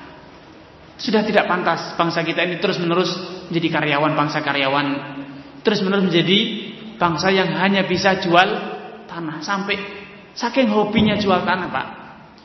Singapura itu jadi besar pulaunya dengan apa? Dengan jual pasirnya Indonesia. Singapura dibangun dengan apa? Pasir Indonesia sehingga beberapa pulau Indonesia ini sudah hampir hilang. Kenapa? Tanahnya dijual ke Singapura. Sampai kisah yang ma'ruf polemik yang kita semua tahu bagaimana sampai perbatasan laut Singapura itu sekarang sudah mulai maju. Kenapa? Karena tanah kita yang di pesisir, yang di, di pantai dikeruk-dikeruk sampai akhirnya tenggelam sedangkan Malaysia tanah tadi yang tenggelam dibuat nguruk e, tanah Singapura. Setiap bangunan diruntuhkan, dilempar ke laut. Kalau mau bangun baru, beli pasir dari Indonesia. Akhirnya tanah Indonesia itu menyempit, sedangkan tanah Singapura meluas. Itu faktanya, Pak. Karena sudah tidak sepantasnya lagi, sudah bukan saatnya lagi bangsa kita terus jual tanah. Namun kalau kita berpikir jenih, katakan kepada Singapura, mau usaha sewa tanah di sini. Sehingga membuka lapangan pekerjaan di kita. Kita juga bisa meniru, bisa alih teknologinya karena berada di tempat kita. Kita bisa turut membeli sahamnya karena memang peraturan di negara kita tidak boleh dimiliki murni oleh perusahaan asing, harus mengikutkan perusahaan dalam negeri. Tentu itu akan menyejahterakan rakyat sendiri. Namun kalau yang dijual tanahnya untuk digunakan nguruk tanah sana, maka berdiri perusahaan di sana, perusahaan milik perusahaan negara sana, bangsa kita hanya apa? Dapat uang pasir saja, Pak. Itu nasib bangsa kita memang. Karena kalau kita sudah bertekad ingin terjun dalam dunia usaha, maka ingat Rasulullah SAW pernah mengajarkan ada delapan semboyan Pak dalam hidup. Semboyan delapan moto dalam hidup, baik itu dalam perniagaan atau yang lainnya, yang andai itu kita terapkan, andai itu kita jalankan, insya Allah kita itu akan maju. Ada delapan moto yang oleh Rasulullah SAW diungkapkan dalam bentuk delapan tantangan. Sehingga dengan kata lain, andai kita bisa terbebas dari kedelapan pantangan ini, insya Allah kita akan menjadi orang yang sukses di dunia ini. Baik kita sebagai pengusaha, sebagai petani, sebagai wirausaha ataupun yang lainnya, kalau kita terbebas dari delapan poin ini, Pak, insya Allah kita akan jadi orang yang sukses. Karena inilah biang adanya kehancuran, keterbelakangan, biang adanya apa namanya kekalahan. Delapan hal ini. Saya akan mulai sebutkan yang pertama. Pantangan pertama adalah orang yang tidak percaya akan masa depannya. Sehingga oh masa depan itu sulit sekali. Suram, takut menghadapi masa depan. Nah, rasa takut menghadapi masa depan inilah awal dari kehancuran, awal dari kegagalan. Karena dalam Islam diajarkan prinsip tawakal. Masa depan itu bukan untuk ditakuti. Karena takut atau tidak takut Masa depan itu pasti datang. Hanya ada satu yaitu hadapi Masa depan. Jangan gentar. Jangan khawatir masa depan. Hanya ada satu yaitu Tawakal kepada Allah. Saya harus hadapi Dan semuanya saya serahkan kepada Allah. Kalau usaha gagal mana? Itu adalah bagian dari masa depan Saya harus hadapi kalau ternyata tidak laku, bagaimana? Itu masa depan. Saya siap menanggungnya. Saya harus memulai. Saya harus merintis. Saya harus bisa. Sehingga masa depan itu bukan untuk ditakuti, Pak. Nah, seorang pengusaha kalau takut akan masa depan, maka juga tidak akan mungkin jadi pengusaha. Karena orang yang tidak punya jiwa entrepreneurship, jiwa pengusaha, sebelum dia usaha, dia akan berpikir, kalau mau jual tidak laku gimana nanti? Kalau ternyata kalah bersaing bagaimana? Kalau nanti ternyata rugi bagaimana? Yang negatif terus yang ditanya. Yang dipikirkan yang mengerikan terus. Sehingga apa? Akhirnya tidak berani melangkah. Tidak berani memulai. Tapi seorang pengusaha itu dia harus berpikir saya harus bisa merancang masa depan dan bahkan kalau perlu saya harus bisa mengarahkan orang agar bisa sesuai dengan apa yang saya mau. Teh botol sosro misalnya Pak ya, sekedar contoh. Sekitar 20 tahun silam Pak, siapa yang mau minum teh kok dingin Pak? Bangsa kita ini bangsa yang hobi teh. Suka teh, minum teh itu suka banget. Tapi 20 tahun silam siapa yang mau teh dingin, botolan lagi? Makanya dulu sekitar 20 tahun silam teh botol tuh sedikit sekali dijual di pasaran, kecil pasarnya. Tapi pemilik teh botol sosro mampu memprediksi kira-kira masa depan tuh kayak apa. Pola hidup masyarakat Indonesia akan seperti apa. Maka dia tidak gentar, dia tidak bergeming. Walau kala itu dicibirkan, diremehkan, minum teh kok dingin, kayak kencing sapi, kencing kuda katanya. Dulu orang berpakaian berpakaian seperti itu Pak. Tapi dia tidak bergeming. Kata dia, pola hidup masyarakat Indonesia ini suatu saat akan begitu padat. Pekerjaan yang dari pagi sampai sore. Karena apa? Tingkat kebutuhan yang terus meningkat. Sedangkan pertumbuhan ekonomi yang lambat.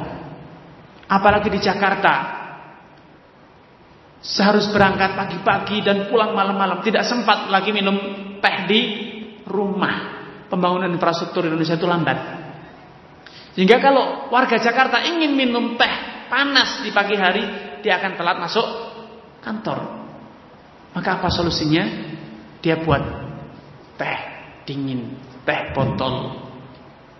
Dan ternyata sekarang teh botol sosro satu-satunya produk dalam negeri yang bisa bersaing dengan Coca-Cola dan Pepsi Cola. Sehingga marketingnya besar, keuntungannya besar dan sekarang dia berani buat merek, buat rasa macam-macam. Satu-satunya merek lokal yang ditakuti oleh merek internasional. Coca-Cola khawatir takut dengan teh botol sosro. Itu fakta Pak. Kenapa? Dia mampu memprediksi masa depan, dia tidak takut dengan masa depan. Kalau tidak laku bagaimana? Bahkan dia berpikir sebaliknya. Saya harus mulai menjemput bola, mulai mengarahkan pola pikir masyarakat.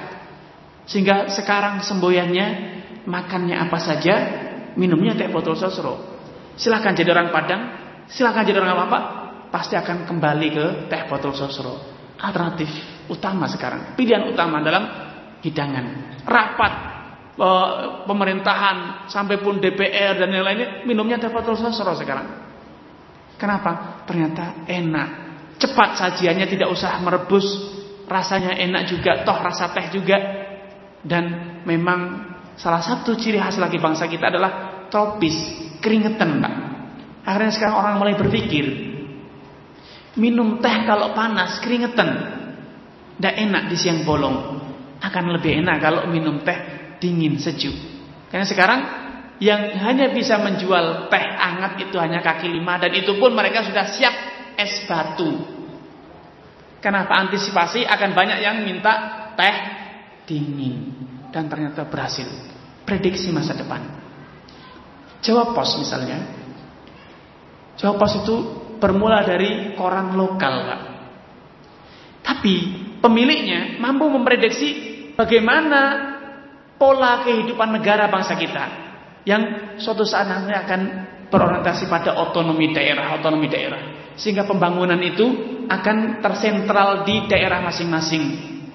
Karena orang investor dan yang lainnya akan berpikir mencari informasi tentang daerah tersebut dari mana?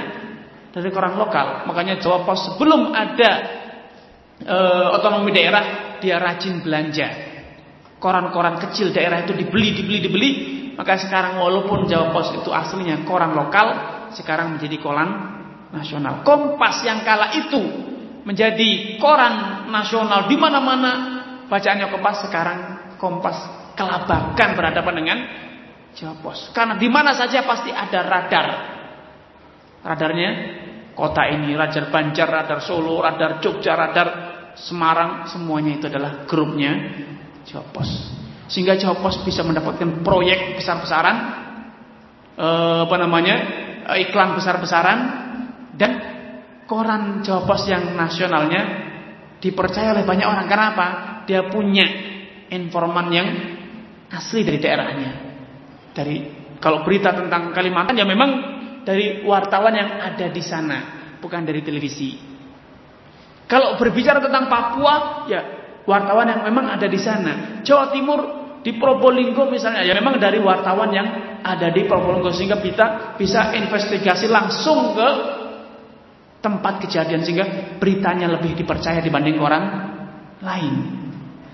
Itu kenapa? Karena dia bisa memprediksi, bisa e, mengikuti perkembangan masa depan. Sehingga tidak boleh ada khawatir. Dunia usaha tidak boleh kita takuti. Kalau kita ingin menjadi pengusaha, kita harus berani menghadapi masa depan. Jangan pernah khawatir. Namun kalau kita itu hobinya asuransi, Pak, itu maka itu sudah bukan mental pedagang, Pak. Orang yang semuanya takut, pendidikan anaknya khawatir, masa tuanya khawatir, kendaraannya khawatir, rumahnya ditakuti, apa pun terbang naik pesawat takut, maka itu bukan mental pengusaha. Kenapa? Dia mau mencari sisi aman terus. Kalau sisi aman itu hanya karyawan, Pak. Tidak ada lain. Karyawan itu aman. Perusahaan untung ya dapat gaji, rugi ya dapat gaji. Kalau gulung tikar dapat sangon. Itu karyawan. Tapi kalau pengusaha, pengusaha itu harus spekulasi, Pak, harus berani. Pengusaha yang tidak berani, tidak spekulasi, maka tidak akan bisa besar. Hanya nunggu apa permintaan maka kecil perusahaan tidak akan besar. Tapi kalau dia sudah mulai bisa memprediksi kalian itu loh akan butuh pada barang seperti ini dibuatkan sebelum mereka butuh. Dibuatkan produk yang dibutuhkan oleh orang sebelum mereka bilang saya butuh produk ini karenanya Apple pemiliknya cerdas dia bisa memprediksi bahwasanya sebetulnya masyarakat itu butuh loh HP komputer yang seperti ini. Mereka buatkan loh, sejatinya kalian tuh butuh seperti ini produk ini. Maka ketika Apple memasarkan produknya langsung meledak di dunia. Semua beli. Sampai raja HP misalnya Nokia sekarang mulai kolap. Kenapa? Ketinggalan zaman. Mulai kalah pasar. Kenapa? Nokia mengikuti pasar yang datar saja. Dia tidak mencegat selera orang. Sehingga sekarang walaupun share-nya, walaupun pasarnya uh, iPhone misalnya atau Apple itu di produk uh, telepon genggam itu hanya sebesar 15% kira-kira, namun keuntungannya itu 50% dari keuntungan perusahaan-perusahaan HP. Luar biasa keuntungannya. Makanya apa saja sekarang dilawan sama Apple. Yang kira-kira niru Samsung semuanya dilawan di pengadilan, dituntut, digugat untuk menguasai pasar. Dia tidak khawatir biaya e, pengadilan yang tinggi. Kenapa? Keuntungan dia terlalu besar. Kenapa? Dia mampu membaca selera masyarakat sebelum mereka sendiri nyampaikannya. Jadi seorang pengusaha itu harus jeli. Seorang pengusaha harus menghadapi masa depan berani bukan gentar masa depan. Karenanya tawakal itu modal utama pengusaha. Kalau antum sudah punya konsep, sudah punya rencana usaha, tawakal. Jangan takut masa depan. Masa depan Anda cerah. Kalau sudah mulai terjun investasi, bismillah. Tidak usah dipikir kalau rugi bagaimana. Karena rugi untung itu sudah ada suratan takdirnya. Karena Rasulullah SAW menanamkan ideologi dengan sabdanya, "Lau annakum tatawakkaluna 'ala Allah." Kalau kalian itu betul-betul dalam menghadapi masa depan itu berbekalkan tawakal kepada Allah, kalian pasti mendapatkan jatah rezeki. Allah Subhanahu wa taala akan melimpahkan rezekinya kepada kalian seperti Allah limpahkan rezekinya kepada siapa? Burung. Burung itu tidak pernah ada yang takut masa depan, Pak. Makanya tidak ada burung yang punya lumbung, Pak. Burung itu makhluk yang unik. Kenapa Rasulullah SAW tatkala ingin menggambarkan e, bagaimana konsep tawakal yang benar, beliau contohkan dengan burung, tidak dengan semut. Tidak dengan laba-laba. Karena kalau semut itu, Pak, semut itu nimbun makanan. Di musim kemarau dia mengumpulkan banyak makanan. Di musim penghujan dia tutup rumahnya dan dia sudah cukup perbekalan karena memiliki lumbung makan di dalam. Laba-laba dia pasang jaring, Pak, terus menerus. Sehingga pagi, siang, malam itu dia bisa nangkap mangsa. Tapi kalau burung, dia burung tidak pernah pasang jaring, tidak pernah pasang perangkap. Untuk hari besok bagaimana? Ya besok cari lagi. Pasti dapat, kata burung. Tidak perlu khawatir, tidak perlu ada nyimpen. Makanya tidak ada burung yang nyimpan makanannya. Apa yang dia butuhkan kala itu dia makan, dia percaya besok pasti masih ada jatah rezeki. Makanya burung itu adalah makhluk yang paling optimis dalam menatap masa depan. Sebelum bapak bangun dia sudah riang gembira pagi hari, berkicau. Mencerminkan akan keceriaan di pagi hari. Dan di sore hari luar biasa burung itu pun puas dengan hasilnya. Walaupun dia tidak bisa nabung, Pak. Makanya di sore hari itu burung senantiasa berkicau. Itu salah satu hikmah. Kenapa burung kalau di pagi hari berisik berkicau dan di sore hari berkicau. Di siang hari kenapa sunyi suara burung? Karena di siang hari itu adalah waktu karya. Waktu berkarya, burung itu tidak banyak apa namanya bicara, diam, bekerja, cari sana cari sini.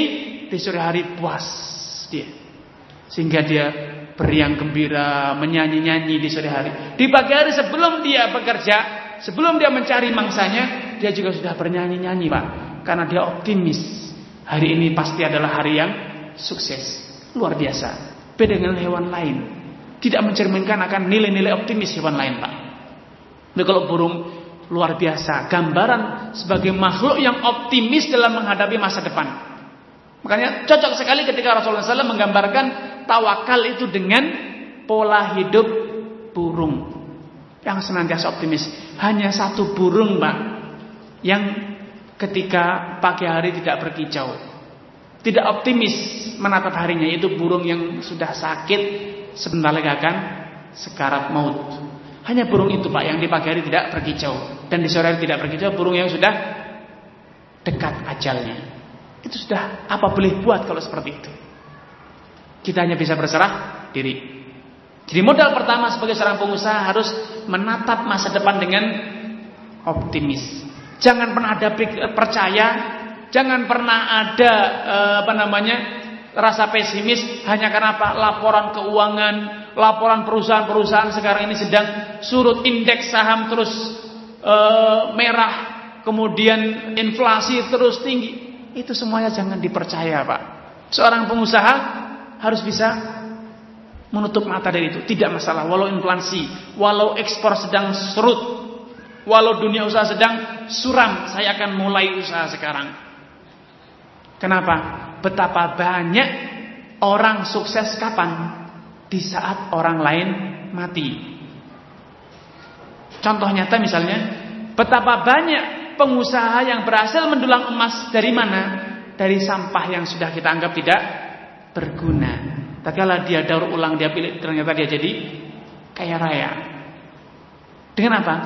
Dengan barang yang menurut mayoritas orang sudah tidak ada nilainya. Orang sudah tidak tidak peduli. Orang sudah menganggapnya sebagai barang yang tidak berharga namun ternyata dia mampu merubahnya, mengembalikannya menjadi barang yang berharga.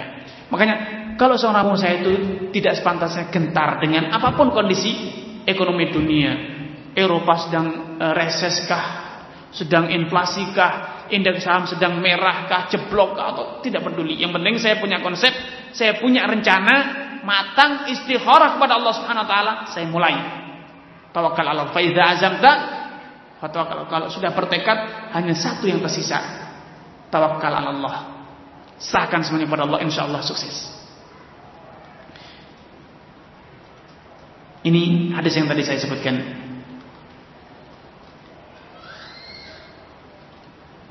Dan ini jaminan dari Rasulullah SAW. Lantas terus jangan pernah merasa rezeki kalian itu telah datang. Karena semua kita telah mendapatkan hati rezeki. Cepat atau lambat pasti kita dapat. Karena jangan merasa telat, jangan khawatir. Nanti kalau usaha gagal, tabungan saya habis. Jangan takut.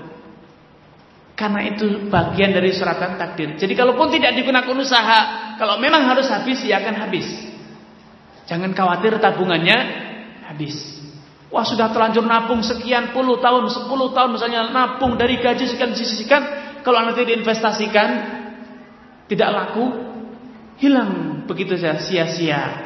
Jangan khawatir. Kalau memang itu bukan rezeki Bapak, walaupun ditabung juga akan hilang. Karena memang bukan jatah rezeki. Tapi kalau memang rezeki Bapak, diinvestasikan pun juga akan untung. Jadi jangan gentar menghadapi masa. Jangan takut memulai usaha.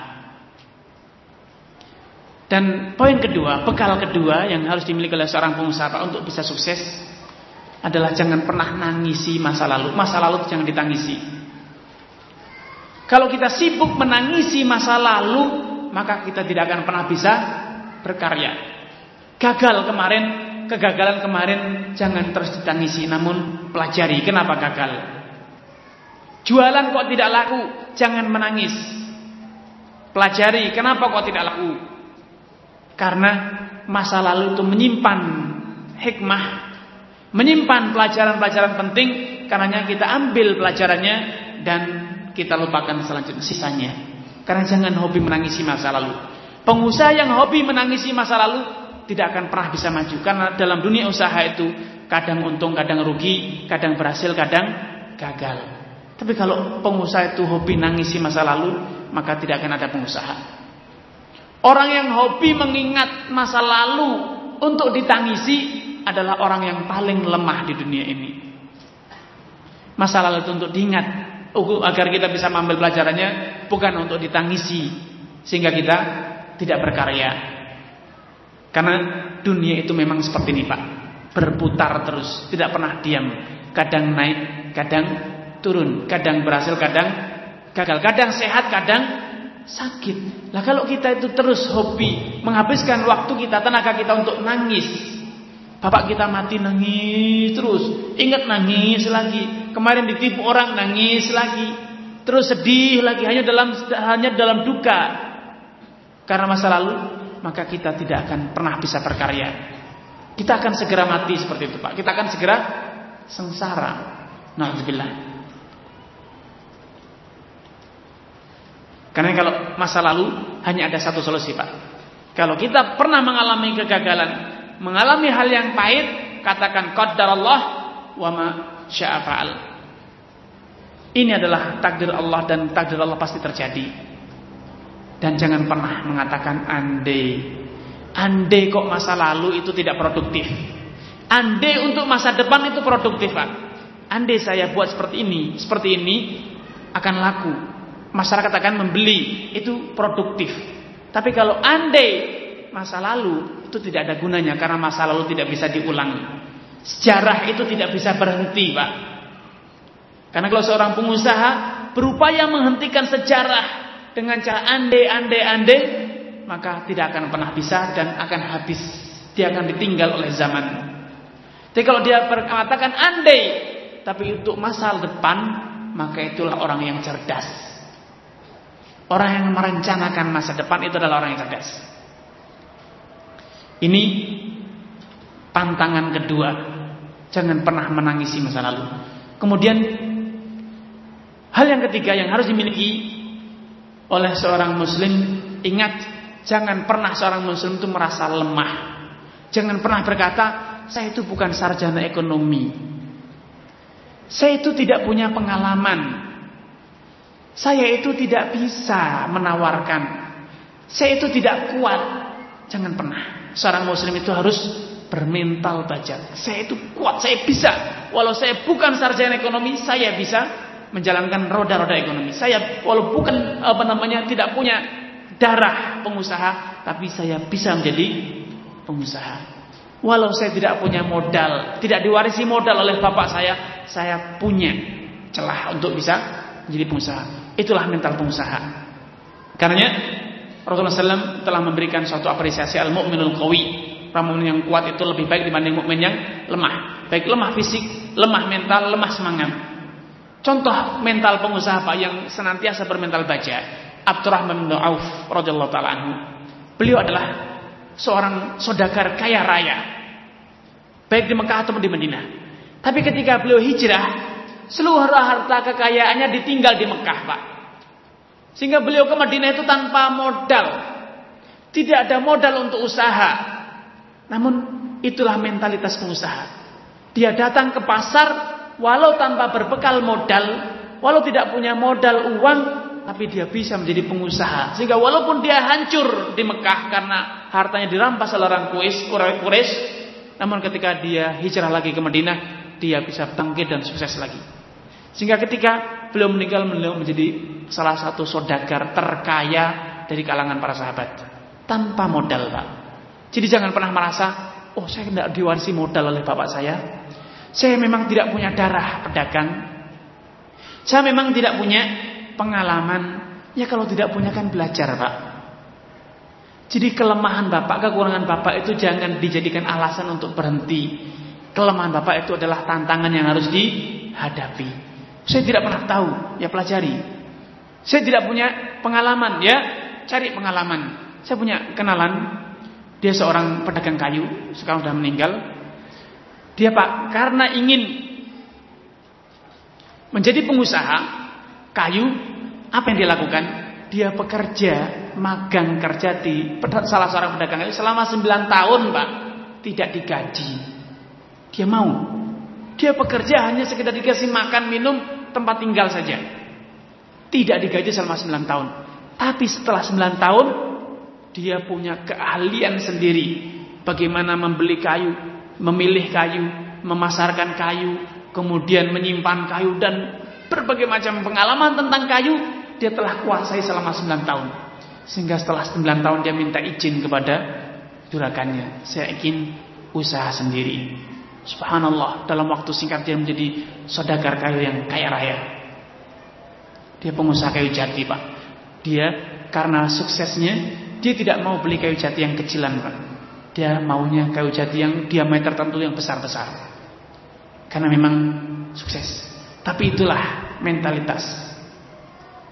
Karena biasanya orang yang sudah terlanjur lama menjadi karyawan biasanya orang yang paling takut untuk terjun ke dunia usaha. Kenapa? Jiwa kewirasaannya sudah terlanjur padam, mati sudah, Pak. Untuk menjadi pengusaha itu tidak boleh lama-lama menjadi karyawan. Harus segera diasah, amati, pelajari, segera mulai. Tidak masalah magang kerja, tapi harus jeli ke mana dia jual, dari mana dia beli, bagaimana mengolah, bagaimana membangun relasi, bagaimana mengatur keuangan, bagaimana menagih e, apa namanya piutang dan lain sebagainya pelajari. Setelah tahu segera dimulai, segera dirintis. Tapi selama kita terlalu enjoy, terlalu menikmati kondisi sebagai seorang karyawan, maka seterusnya tidak akan pernah berani terjun ke dunia usaha. Jadi memang harus punya mental kuat, Pak. Karena untuk menjadi pengusaha itu butuh kekuatan mental, kekuatan fisik, tidak peduli, pantang menyerah.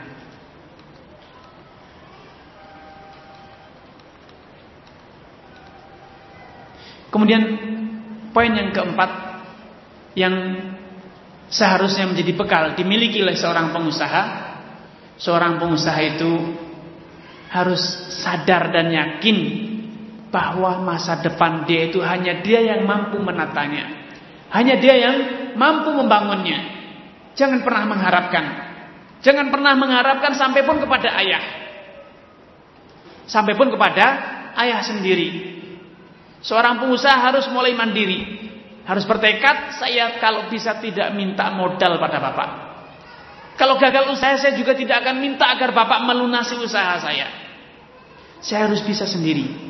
Dan inilah salah satu kunci kenapa para pendatang itu di negeri mana pun lebih sukses dibanding pribumi. Karena pedagang, pengusaha, konglomerat kita Pak di negeri ini mayoritas dari dua etnis. Yang satu berhidung mancung, yang satu bermata sipit. Kenapa? Yang berhidung mancung itu tidak punya harapan, Pak. Dia datang ke sini tanpa karib, tanpa kerabat, tanpa warisan, tanpa aset. Datang ke sini numpang kapal, jadi kuli, namun itulah mental. Tatkala dia tidak punya harapan selain usahanya sendiri setelah tawakal kepada Allah maka dia ternyata jeli dia pandai melihat pandai membaca sehingga dia sukses tapi orang yang Allah gini saja sudah cukup nanti kalau butuh ya utang dulu sama bapak pinjam dulu sama mas sama paman orang yang punya mental seperti ini pak itu biasanya sulit untuk sukses sulit untuk sukses kenapa dia malas Allah ngapain ngoyo kata orang. Kan masih ada keluarga. Kalau berat kan dipikul bersama. Ada kekerabatan. Kalau ya tangga sana tangga sini sepuluh ribu, ribu bisa bayar utang. Itu kalau orang yang pribumi seperti itu. Apalagi karib kerabat. Apalagi kalau sudah punya semboyan makan tidak makan asal kumpul sudah tidak akan pernah menjadi pengusaha. Tapi pendatang Pak, pendatang itu kalau tidak usaha sendiri maka tidak akan bisa makan. Kalau tidak usaha sendiri maka tidak akan bisa bayar utang. Tidak akan ada yang mau menolong. Makanya Bapak pasti tahu merek obat di kita namanya eh, Konimek. Saya pernah membaca bagaimana sejarah Konimek ini muncul Pak. Dari pertama Cina ini sudah punya obsesi dia akan menjadi pengusaha obat sukses sejak pertama ketika dia masih menjadi pedagang obat keliling jual sana jual sini nginep di kampung sana singgah di kampung sini dia sudah menamai obatnya dengan Konimek Konimek itu singkatan Pak kondang impor ekspor Terus sejak pertama dia masih jual keliling-keliling, dia sudah punya obsesi menjadi orang yang jagoan ekspor impor. Dan sekarang Konimek betul-betul ekspor dan impor, Pak. Produknya banyak yang dijual di luar negeri dan juga dia memasukkan produk dari luar negeri. Karena memang dari pertama dia sudah punya obsesi untuk menjadi orang yang besar. Tapi kalau kita sering kali, Pak, bekalnya Pak, modalnya Pak, tolong di Mas pinjam dulu kah, saudara, Selama kita masih punya ketergantungan pada orang lain, maka kita sulit besar. Dan ini Pak, pola pikir ini jauh-jauh hari telah ditanamkan oleh Rasulullah SAW melalui sabdanya, Ma fataha qaumun baba mas'alatin illa fatahallahu lahu baba fakrin.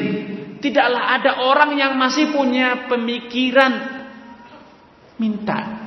Kalau gagal saya akan minta tambahan. Kalau kekurangan modal saya akan pinjam pindahan dan apa minta minta tambahan dari saudara, dari orang tua, dari ayah, ibu dan lain sebagainya. Maka selama dia masih punya pola pikir seperti itu, maka pintu kemiskinan itu masih terbuka lebar. Semakin banyak dia menggantungkan harapan kepada orang, maka semakin banyak pula pintu kemiskinan yang terbuka untuknya. Tapi kalau dia sudah bagikan orang kalap, di dunia ini saya seakan sebatang kara. Saya harus bisa sendiri, saya harus bisa maju sendiri, saya harus bisa tangani sendiri. Maka saat itulah akan muncul ide-ide brilian dia.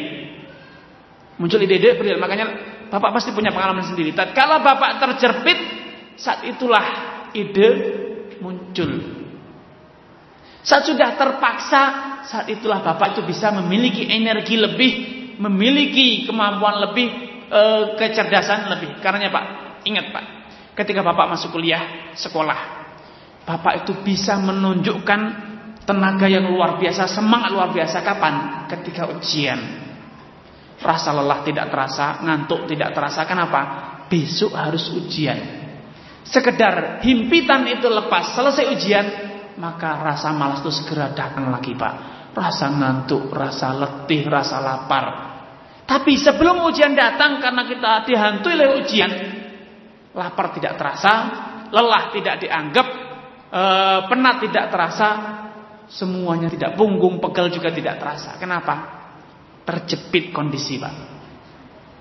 Makanya orang yang terjepit kondisi itu biasanya muncul ide-ide dan memiliki kemampuan yang di atas rata-rata. Tapi kalau kita terus ah, kita belum pernah terjepit, kita tidak terpaksa kenapa mesti harus banting tulang? Kan masih ada bapak yang membiayai. Kalau ini kan nemu nikah nanti ya bapak yang bayarkan maharnya mas kawinnya, walimah juga bapak yang masih membayari. Ya, kita tidak akan pernah bisa maju seperti itu. Jadi kalau kita ingin maju, pupuslah harapan dari semua orang. Mulailah hidup mandiri. Jangan pernah memikirkan untuk minta pertolongan sesama manusia. Karenanya di antara sifat atau nilai-nilai iman yang ditanamkan terus Rasulullah SAW adalah seperti yang disebutkan dalam hadis qudsi wa idza uh, dalam sebuah hadis Rasulullah mengatakan wa idza sa'alta fas'alillah. Kalau kamu minta bantuan ya hanya mintalah bantuan kepada siapa? Allah. Kalau kamu minta sesuatu hanya ada satu tempat mintamu siapa? Allah. Pupus semua harapan dari semua manusia. Wa sta'ant kalau minta bantuan juga hanya minta bantuan kepada siapa? Allah. Seakan-akan hanya seorang diri sebatang kara di dunia ini. Saat itulah Anda akan sukses. Ketika Anda merasa sebagai seorang batang kara di dunia ini, tidak akan ada yang nolong, tidak akan bantu, tidak akan ada suntikan modal. Saat itulah Anda akan cerdas, saat itulah Anda akan bisa memiliki ide-ide yang brilian, Mbak. Jadi selama kita masih memiliki peluang, ah tidak apa-apa, saudara masih banyak, teman masih banyak, eh, apa namanya, ayah masih hidup, masih bakal dapat warisan dan sebagainya maka kita ini bebel pak. Nalar kita akan bebel tidak akan bisa cerdas. Karena pengusaha-pengusaha sukses di mana saja yang besar rata-rata orang yang putus sekolah pak orang tuanya dulu tidak mampu membiayai sekolah itu kebanyakan pengusaha sukses dari keluarga miskin dari kondisi terjepit Ternyata muncullah ide-ide produk-produk yang apa? Brilian, luar biasa. Kapan? Tatkala terjepit. Tapi yang dibesarkan dalam kemanjaan seperti tadi dimanjakan semuanya rata-rata mayoritas kalaupun jadi pengusaha ya ala kadarnya kalau tidak yang mayoritas menjadi karyawan. Itu kondisinya. Karena mulailah dari sekarang kita mengkondisikan diri pupus harapan kita ini adalah sebatang kara di dunia hanya punya Allah saja. Hanya Allah yang bisa menolong. Yang lainnya itu pupus harapan. Tidak, saya tidak punya harapan sedikit pun. Dibantu oleh orang tua, oleh ibu, oleh saudara. Saya hanya bisa menyadarkan harapan kepada Allah. Saya harus usaha sendiri. Insya Allah kalau kita seperti itu, kita akan memiliki ide brilian, memiliki bisa melihat peluang usaha yang tajam.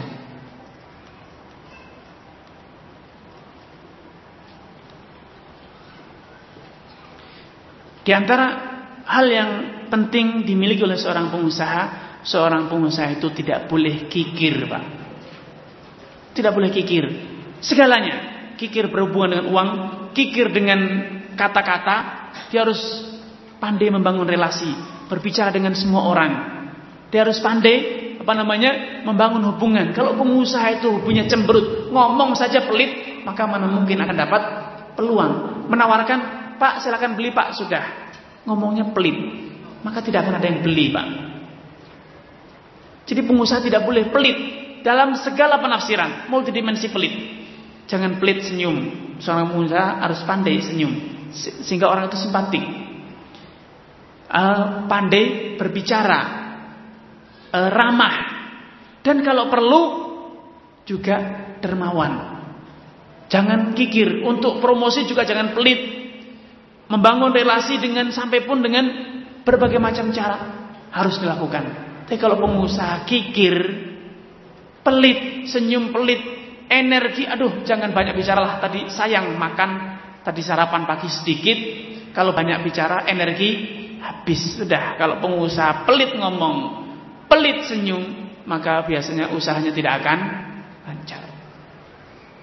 Makanya sekarang di antara trik-trik perusahaan-perusahaan besar ialah mereka itu mengesankan dirinya itu dermawan. Makanya promosi hadiah itu di mana-mana Pak. Undian berhadiah. Beli satu dapat dua. Cuci mobil lima kali gratis sekali. Tidak pelit. Kenapa? Membangun relasi Pak. Mengikat karyawan. Apa mengikat apa namanya? Customer.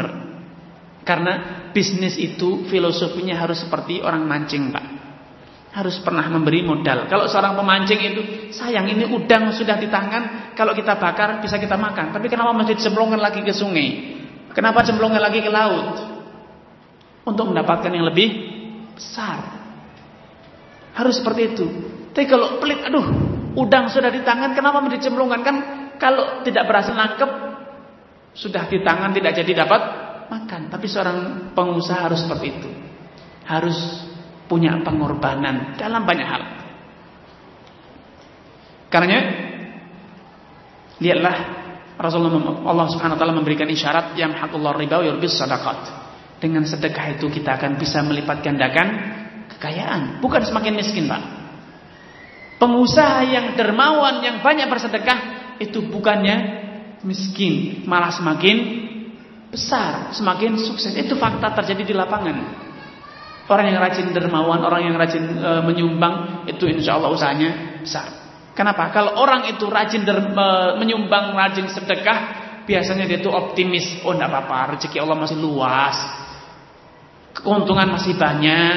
Kalau udah keuntungan kita udah sempit, prospek pasar kita sudah sempit, jangan disedekahkan. Maka sudah saatnya rezeki itu akan semakin lama semakin menyempit, semakin surut.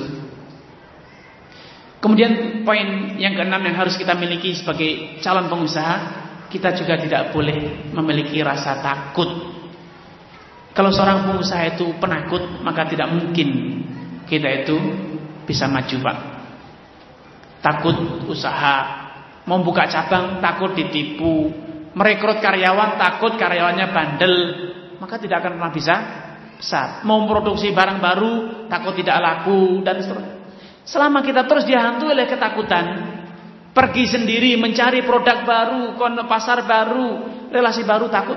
Selama kita terus dibelenggu oleh rasa takut, kekhawatiran maka tidak pernah akan pernah maju. Karenanya Poin keenam tadi, bebaskan diri Anda dari ketakutan. Dunia usaha itu tidak perlu ditakuti, tapi harus dicoba. Harus dicoba. Kemudian yang ketujuh, agar kita bisa sukses menjadi pengusaha, hendaknya upayakan jangan pernah berutang kecuali dalam kondisi terpaksa. Banyak solusi-solusi lain agar kita itu bisa usaha tanpa hutang. Tanpa hutang itu lebih enak lebih nyaman. Tapi kalau utang gagal, terlilit piutang kita. Sekali gagal maka akan pupuslah harapan kita. Kenapa? Karena kita harus sibuk melunasi piutang.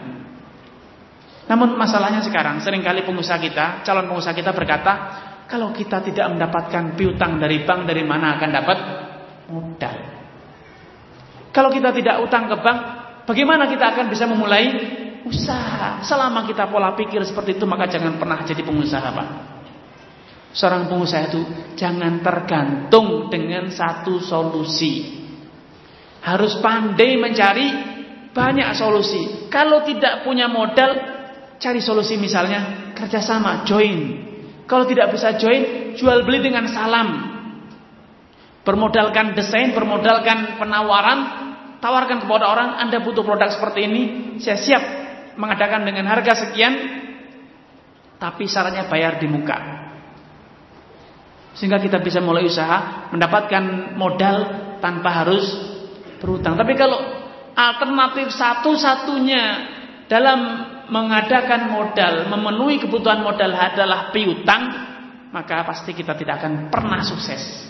Karena tatkala negara kita, Pak, negara kita, pengusaha-pengusaha kita apa namanya menganut paham ekonomi apa namanya eh, konvensional seperti yang ada sekarang di mana tatkala mereka ingin mengukur tingkat kemajuan dan keberhasilan suatu negara atau suatu perusahaan ialah tatkala pada perencanaan keuangan itu mereka berani menganggarkan belanja yang melebihi apa eh, penghasilan pendapatan yang disebut dengan defisit maka itu sebagai simbol negara yang maju, optimis, perusahaan yang optimis. Tapi perusahaan yang anggaran belanja tahun depan dan penghasilan tahun ini sama, itu perusahaan yang sudah suram. Makanya tidak pernah ada perusahaan yang tidak berhutang di negara ini, Pak. Tidak ada negara di dunia ini yang tidak berhutang. Setiap tahun anggaran baru pasti defisit. Perusahaan pun demikian. Setiap anggaran tahun baru pasti defisit. Kenapa? Didoktrin. Mereka itu pesimis. Tim ekonominya tidak akan bekerja kecuali kalau dibebani dengan utang. Makanya males. Karyawannya males. Kenapa? Mereka sadar ini pekerja banting tulang banting tulang ujung-ujungnya juga untuk bayar utang. Bonusnya tidak besar. Tapi kalau perusahaan itu tidak terlilit utang, maka perusahaan itu bisa memotivasi karyawan dengan bonus-bonus yang besar. Memberikan fasilitas yang nyaman sehingga karyawan itu loyal, karyawan itu terus bisa berkarya dengan bagus. Tapi kalau terus karyawan dibebani dengan utang, utang-utang hasil besar tapi sekedar untuk bayar piutang sehingga karyawan itu merasa lelah. Ini kondisi yang ada di masyarakat kita, Pak. Jadi untuk menimbulkan optimis ternyata harus dibebani dengan piutang. Ini konsep ekonomi konvensional yang ada. Karena jangan heran setiap Indonesia padahal Indonesia setiap tahunnya mendapatkan anggaran apa namanya pendapatan itu seribu triliun lebih pak. Sudah 1300 triliun pendapatan bangsa kita setiap tahun, tapi setiap tahun defisit. Terus saja kekurangan. Terus saja berutang. Dan hobinya utang ke luar negeri. Ini masalah. Padahal betapa banyak proyek-proyek yang bisa dibiayai tanpa harus berhutang. Misalnya dengan misalnya mau bangun jalan tol, jalan tol tinggal diserahkan saja kepada swasta. Bangun, kita bagi hasil. Modal dari perusahaan swasta dan tanah milik negara. Join. Sehingga nanti bisa mendapatkan keuntungan 50-50 jalan tol bisa dibangun tanpa negara keluar modal sedikit pun. Selama jalan tol masih bisa dipakai, maka jalan tol keuntungan dimiliki oleh dua pihak, perusahaan swasta dan negara. Lebih nyaman tanpa harus berutang, tapi negara tidak mau dengan cara seperti itu. Karena terlanjur menganut sistem konvensional harus uang itu ready siap di depan sebelum proyek dijalankan. Makanya terlilit. Infrastruktur tidak pernah dibangun-bangun. Kenapa? Karena konsepnya seperti itu. Jadi kalau negara ini menganut konsep yang diajarkan syariat, musyarakah. Betapa banyak perusahaan yang mau punya uang besar, siap. Apalagi kalau dia diizinkan mengelola dan terus mendapatkan keuntungan seumur hidup jalan tol tersebut maka terus akan mendapatkan keuntungan. Itu pasti mau. Negara tidak keluar uang, rakyat tidak dibebani pajak, tapi infrastruktur terus berjalan. Misalnya jalan raya umum, negara terus sewa ke perusahaan tersebut, apa salahnya? Tapi kan sewanya murah, tanahnya milik negara, perusahaan mendapatkan sewa terus, sehingga modal perusahaan itu akan kembali dalam hitungan waktu tertentu dan perusahaan akan terus mendapatkan Untung apa susahnya? Kalau jalan itu apa salahnya kalau jalan itu dimiliki oleh dua pihak? Negara misalnya 70% swasta 30% tapi swastanya akan terus mendapatkan keuntungan sepanjang jalan ini dilalui. Enak. Tapi kalau konsep seperti sekarang, maka untuk membangun infrastruktur negara harus mengadakan uang dulu. Sulit sekali. Makanya negara harus utang terus menerus. Dan tadi sebelumnya saya sudah sebutkan satu satu hikmah dari para ulama dahulu. Katanya, "Ma dakhala hamuddaini qalban illa adhaba minal aqli ma Tidaklah rasa takut, rasa gundah memikirkan piutang itu menghinggapi nalar seseorang kecuali piutang tersebut akan menjadikan nalar sehat itu hilang separuh dan kalau sudah hilang separuh maka tidak akan pernah kembali lagi. Biasanya orang yang sudah pernah terlilit utang, Pak, itu biasanya dia sudah sulit untuk berpikir jernih seperti dulu sebelum dia terlilit piutang. Beberapa orang yang saya kenal yang pernah merasakan susahnya terlilit piutang, katanya sampai ada dari mereka mengatakan saya itu punya memori kira-kira dua atau tiga tahun blank hilang. Saya tidak ingat apa-apa kejadian pada tiga tahun tersebut, Pak. Tidak satu pun apa yang pernah saya lakukan pada tiga tahun tersebut teringat sekarang ini. Karena beliau terlilit utang selama tujuh tahun lamanya. Tapi ada sekitar tiga tahun dari tujuh tahun itu, sekarang setelah terbebas dari piutang menjadi pengusaha sukses, saya tidak ingat apa-apa yang terjadi selama tiga tahun. Itu salah satu bukti nyata bahwa piutang itu kalau sudah terlanjur besar akan menjadikan kita itu sulit untuk berpikir jernih. Makanya kalau bisa, kalau ingin menjadi pengusaha jangan menjadikan piutang itu sebagai alternatif permodalan. Banyak solusi-solusi yang bisa kita jalankan tanpa harus kita berutang namun usaha bisa kita e, modali, bisa kita biayai.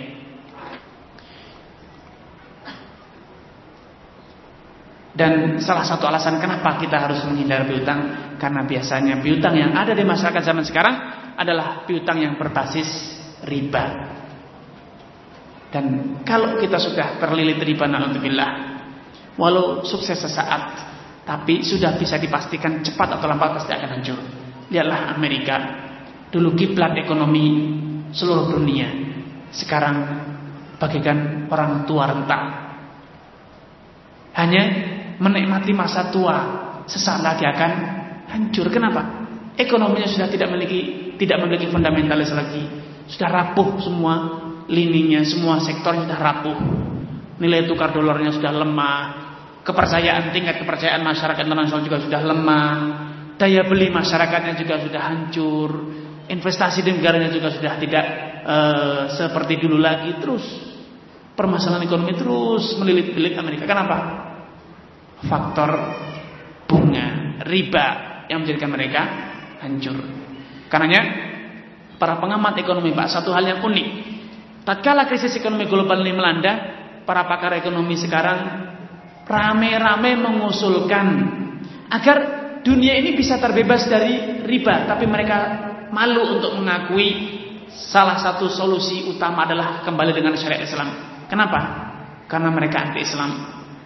Mereka semua mengusulkan kita ini ada baiknya kalau kita meninggalkan dominasi dolar dan dunia ini terbebas dari sistem keuangan yang sekarang ini menyebabkan kehancuran. Dengan apa? Dengan mengadakan mata uang global. Sehingga tidak ada bisnis falas. Karena bisnis falas itu adalah inti dari riba. Jual beli uang tidak pernah terima fisiknya, tapi ada untung, ada rugi, ada untung, ada rugi. Dari mana ya? Itulah riba.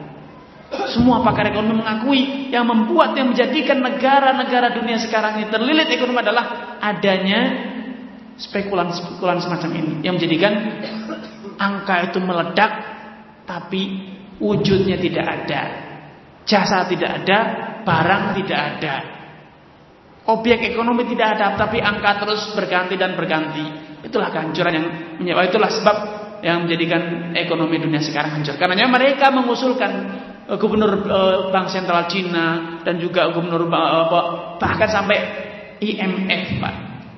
Lembaga keuangan internasional yang di tangan orang Yahudi pun mengusulkan agar dunia ini membuat mata uang global yang dipakai oleh semua dunia sehingga tidak ada lagi perdagangan falas. Di Indonesia uangnya itu, di negara mana pun uangnya itu.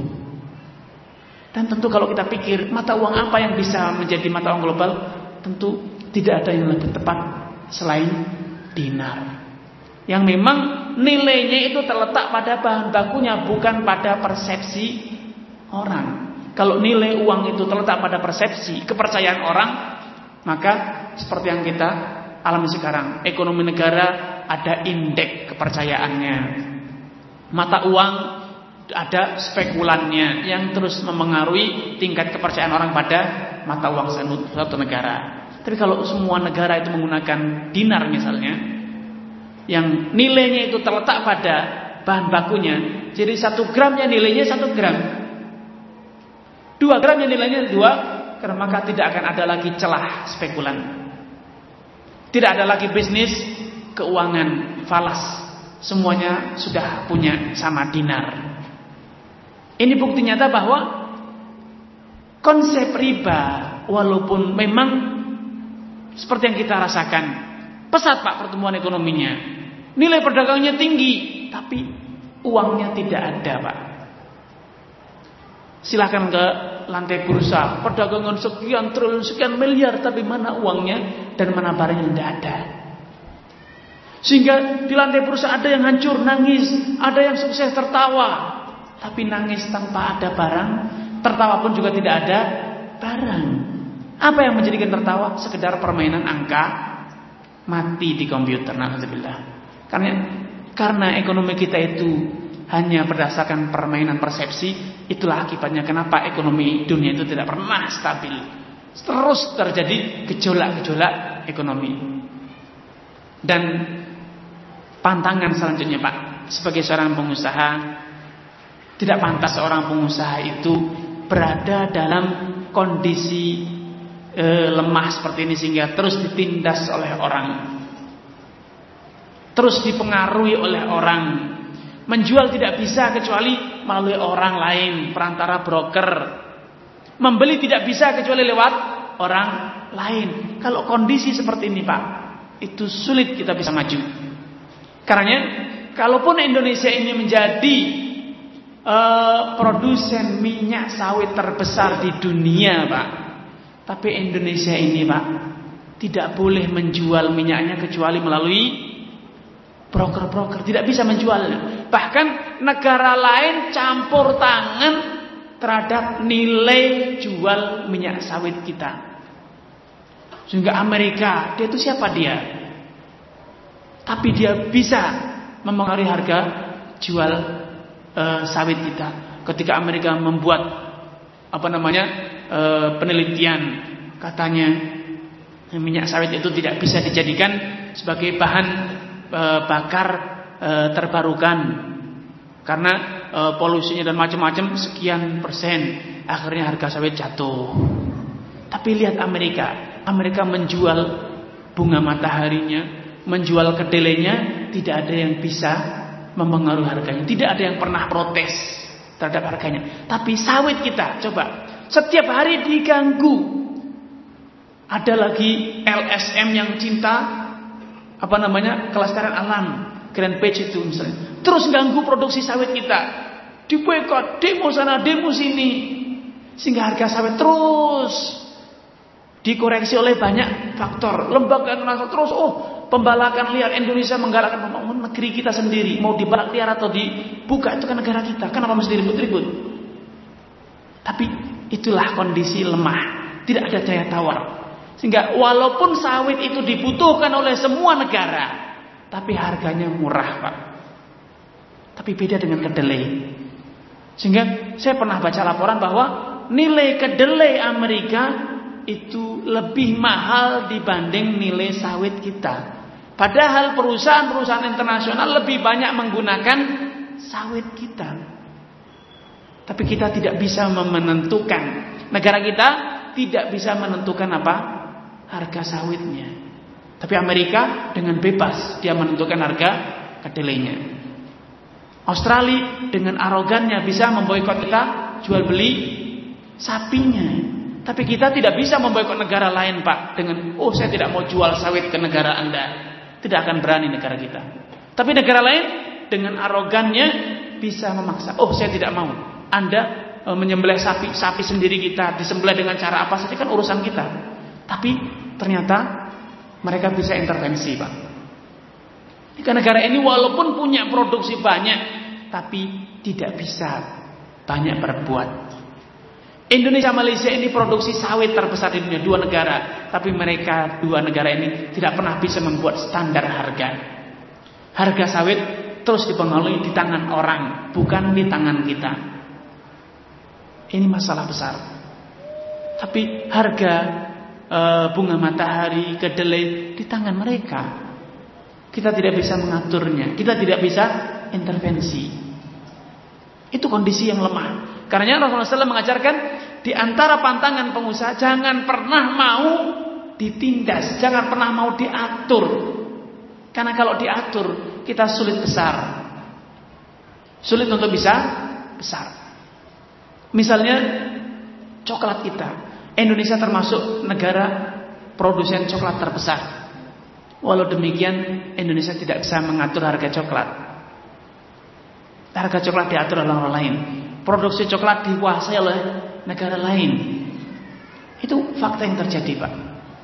Makanya Islam mengajarkan sebagai seorang pengusaha jangan pernah mau berada dalam pengaruh orang lain, ditindas oleh orang lain. Karena di antara hal yang diharamkan dalam Islam ialah adanya calo yang mereka itu bukan pemilik barang, bukan konsumen, tapi bisa mengatur penjual, bisa mengatur pembeli. Makanya walaupun calo yang diharamkan dalam Islam hanyalah calo yang e, berbuat nakal yaitu berusaha mempengaruhi harga pasar ter, terutama penjualan barang produk milik orang desa ke orang kota. Namun kita bisa lihat bagaimana perilaku para calo. Kalau bapak punya rumah, sekedar bapak pasang tulisan rumah dijual. Silahkan habis itu. Bapak bisa nyaman hidup. Bapak akan susah hidup. Terus calo bergiliran datang. Kalaupun pada datang pembeli Bayar betul-betul dia pembeli. Bapak sudah terima uang Akan datang calo. Pak Pembeli itu datang atas referensi saya Apa namanya rekomendasi saya saya harus dapat satu persen. Saya dikasih. Besok datang lagi calo. Pak, calo yang pertama itu dia memasarkan karena saya yang mereferensikannya. Bapak harus memberi. Tidak nyaman, Pak. Kenapa? Pengaruh orang lain. Begitu juga pembelinya pun ditindas, Pak. Loh, Anda ini membelikan saya yang mereferensikan. Saya harus mendapatkan fee-nya terus tidak nyaman hidup. Namun kalau seorang pengusaha yang ingin sukses dan nyaman hidup, hindari calo. Harga minyak dunia sekarang yang sampai hampir 200 dolar per barrel, dulu sampai 240. Itu kenapa terjadi? Bukan karena stoknya berkurang, juga bukan karena konsumsinya yang berlebih, bukan permintaan yang berlebih, namun karena ulah para broker Mereka lah yang menjadikan harga minyak naik. Sehingga hidup bangsa ini terus dipengaruhi oleh orang. Terus negeri kita rusuh karena faktor urusan apa? BBM. Enggak tidak nyaman kita sebagai eh, negara. Kenapa? Pengaruh orang lain. Apalagi kalau sampai perusahaan itu atau sebagai seorang pengusaha dipaksa menjual, dipaksa membeli. Maka hal ini tentu tidak produktif. Karena di antara hal yang menjadikan negara kita ini e, tidak berkembang dari sisi ekonominya kenapa? Banyaknya pungli, Pak.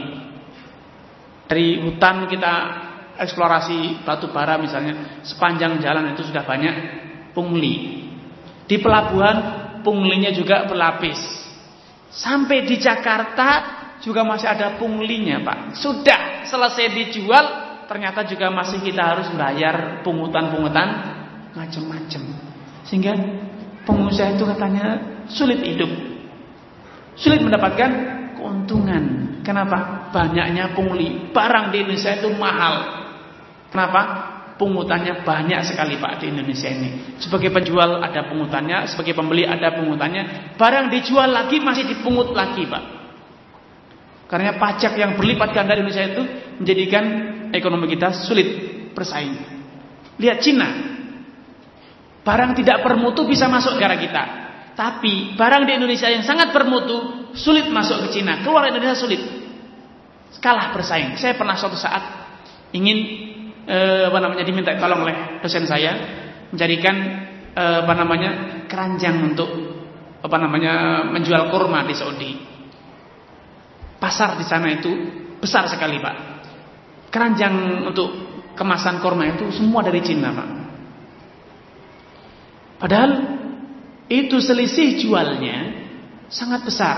Korma yang kiloan yang curah itu satu kilo misalnya 10 real, yang keranjangan setengah kilo 15 real.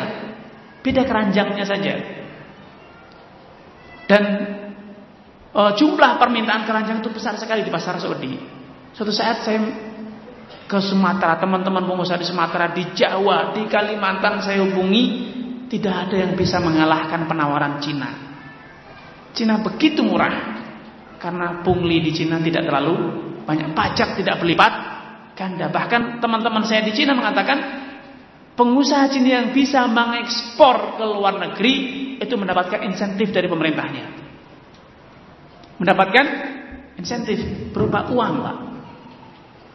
Luar biasa. Tapi kalau kita bisa ekspor diisep darah kita oleh semua orang. Makanya harga kita tidak pernah bisa bersaing di luar negeri. Sulit untuk bersaing karena banyaknya pungutan. Nah, Uh, ini delapan poin, delapan pantangan pengusaha yang semuanya itu telah diajarkan dalam doa Rasulullah Sallallahu Alaihi Wasallam berikut ini, Pak. Semua yang delapan kunci pengusaha sukses tersebut telah dirangkum dalam doa Rasulullah SAW Allahumma inni a'udzubika minal hammi wal hazan. Aku berlindung kepadamu ya Allah dari rasa alham rasa gundah. Gundah karena memikirkan masa depan. Al hazan e, duka karena menyesali masa lalu. Wal ajzi wal kasal rasa tidak berdaya. Dan kasal rasa malas wal bukhli Aku juga berlindung kepada ya Allah dari rasa kikir wal jubni, penakut. Wa dhala'idain, dari utang dan wa qahri rijal. Walaupun doa ini bersifat umum, bukan hanya dalam perniagaan namun doa ini mengandung makna-makna yang bisa diterapkan dalam seluruh aspek kehidupan kita. Kita sebagai pedagang kalau kita mengilhami delapan unsur ini, insya Allah kita menjadi pengusaha yang sukses. Kita sebagai petani mengilhami delapan kunci ini, delapan hal ini, insya Allah kita menjadi petani yang sukses. Kita menjadi eh, apa namanya eh, peternak bila mengilhami ini, insya Allah kita akan menjadi peternak yang sukses. Subhanallah. Ternyata Rasulullah SAW jauh-jauh hari telah memberikan kunci-kunci sukses sebagai umat manusia dalam mengarungi kehidupan dunia ini.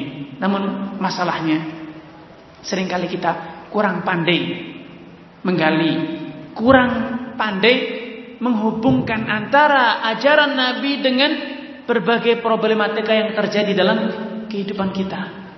Tapi subhanallah, andai kita benar-benar bisa mengilhami dan menghayati kemudian menerapkannya dalam kehidupan nyata, insya Allah dalam seluruh syariat Islam ini telah diajarkan segala hal yang kita butuhkan dalam pendidikan, dalam perdagangan, dalam ketatanegaraan, sosial, politik, budaya dan lainnya sudah diajarkan berbagai macam konsep, berbagai macam uh, syariat yang itu sangat indah dan itu bila diterapkan pasti akan terwujud hidup yang sukses dan bahagia. Allah taala alam semoga uh, upaya uh, sederhana dari saya ini untuk mengaitkan antara uh, apa namanya doa Rasulullah SAW dengan dunia nyata dalam terutama dalam dunia saya ini bermanfaat bagi kita semuanya dan semoga kita termotivasi berdasarkan ajar Nabi SAW ini sehingga kita bisa memandang kehidupan ini bisa menjalani berbagai macam aktivitas kita ini dengan cara-cara yang sesuai dengan syariat Rasulullah Sallallahu Alaihi Wasallam.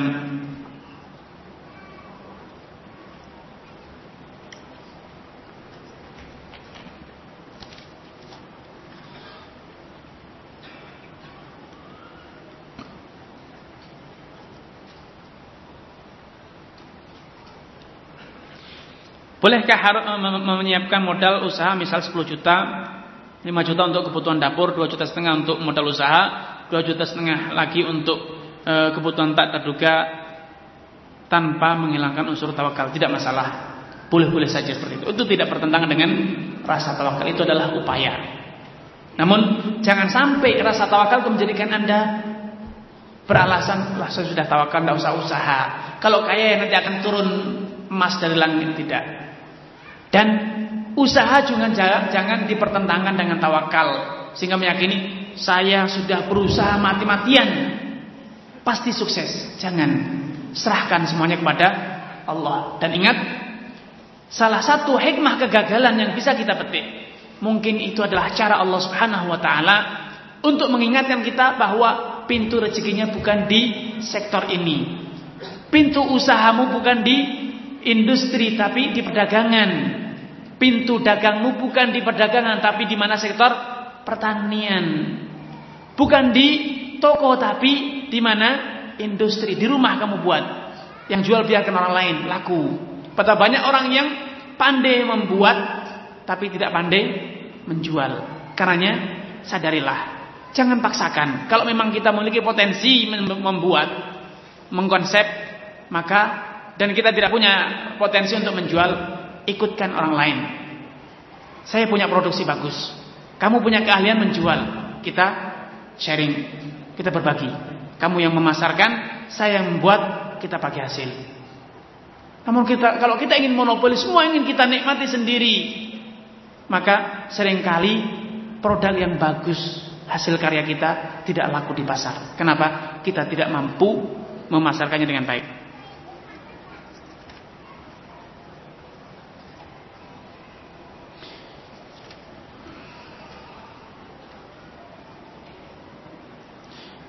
Bagaimana usaha MLM? Karena orang tua saya melakukan hal itu dan saya pun sering membantunya. Mohon penjelasannya karena saya pernah membaca mendengar ada larangan usaha dengan MLM. MLM itu adalah apa yang tadi saya katakan derita berkepanjangan akhirnya terasa menjadi nikmat. Itu bangsa kita, Pak.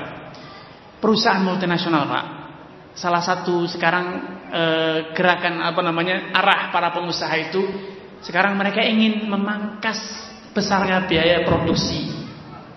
Karena lihatlah banyak perusahaan yang hanya memproduksi, tapi yang mendistribusikan siapa? Orang lain. Kita kalau beli produk diproduksi oleh e, perusahaan ini untuk perusahaan ini. Ternyata yang memproduksi lain, yang memasarkan lain. Kenapa demikian? Ini adalah upaya untuk memangkas produksi. Jadi perusahaan yang memproduksi dia tidak mau iklan, tidak mau punya karyawan distributor, dia tidak mau punya gudang, dia tidak mau punya apa? Punya kendaraan yang untuk distribusi. Dia bikin aja sebanyak-banyaknya. Tapi perusahaan yang memasarkan juga tidak mau beli alat untuk produksi, untuk industri. Dia tidak mau repot-repot cari bahan baku. Makanya mereka berbagi. Nah, di antara trik untuk memangkas biaya produksi ialah menghilangkan biaya iklan, menghilangkan biaya karyawan sebanyak mungkin, menghilangkan biaya gudang, distribusi, purna, layanan purna jual, itu semuanya dipangkas dengan apa? Dengan pemasaran melalui MLM. Jadi setiap MLM yang betul-betul MLM Pak ya, bukan sekitar yang disebut MLM tapi bukan MLM, multi level marketing yang pemasarannya berjenjang, biasanya multi level marketing itu tidak ada biaya periklanan. Andalah yang harus mengenalkan produk ke masyarakat door to door konsepnya. Jangan buka toko. Harus door to door. Kedua, mereka tidak punya gudang. Jadi di mana Anda menyimpan barang? Ya di rumah sendiri. Mereka tidak memberi kendaraan untuk distribusi. Pakai apa? Ya motor sendiri. Layanan purna jual, ya Anda sendiri yang melayani, mengkomplain. Dan masih banyak lagi hal-hal yang dibebankan kepada anggota. Walau demikian masih ada persyaratan kejam yang diterapkan dalam MLM. Untuk ikut MLM harus membayar uang keanggotaan yang disediakan administratif atau apa saja dan cukup besar 100 ribu, 200 ribu, ada yang sejuta, ada yang lebih. Dan untuk bisa mendapatkan fee bagi hasilnya apa? Syarat bengis muncul di sini, Pak. Anda harus mampu melampaui batas minimal penjualan. Kalau penjualan Anda kurang dari batas minimal, walau laku tetap tidak mendapatkan bagi hasil. Dan kalau itu terulang sekian kali, maka pupuslah harapan mendapat bagi hasil. Anda hanya bisa mendapatkan layanan apa? Sebagai anggota membeli produk saja dengan harga anggota, tapi tidak bisa mendapatkan fee dari penjualan. Itulah namanya derita berubah menjadi nikmat. Derita terasa nikmat. Sehingga motor kita dijadikan sebagai kendaraan distribusi, mulut kita berbusa-busa menawarkan promosi, tidak ada harganya, Pak. Rumah kita jadi gudang juga tidak ada harganya. Perusahaan hanya produksi, semua setelahnya diserahkan kepada anggota. Anda tidak dapat naik motor tabrakan, alhamdulillah tidak ada asuransinya Pak. Walaupun asuransi itu haram, tapi Anda tidak dapat perhatian dari perusahaan. Kemudian Anda masa tua tidak ada pesangonnya, Pak Anda berhenti juga tidak ada pesangonnya. Kan kasihan sekali, itu betul-betul derita yang telah dianggap sebagai nikmat. Nah, kalau ada yang ingin meneruskan derita ya silakan. Kan sudah menjadi selera, Pak. Selera menderita itu kan bangsa kita sudah menjadi selera. Jadi kalau yang mulus itu sering kali di negeri kita ini tidak laku, Pak. Harus yang menderita. Makanya kalau makan kalau tidak pedas, wah, gitu tidak enak. Padahal waktu kita kecil dulu nangis makan pedas itu, Pak. Tapi ternyata pedas itu adalah simbol makan enak, Pak. Itulah namanya derita. Kalau berkepanjangan jadi nikmat. Uh, kita cukupkan sampai di sini. Semoga Allah Subhanahu wa taala jadi kita termasuk orang yang istimewa al-qaula fa yattabi'una ahsanah. Subhanakallah bihamdika asyhadu an la ilaha illa anta astaghfiruka wa atubu ilaik. Wassalamualaikum warahmatullahi wabarakatuh.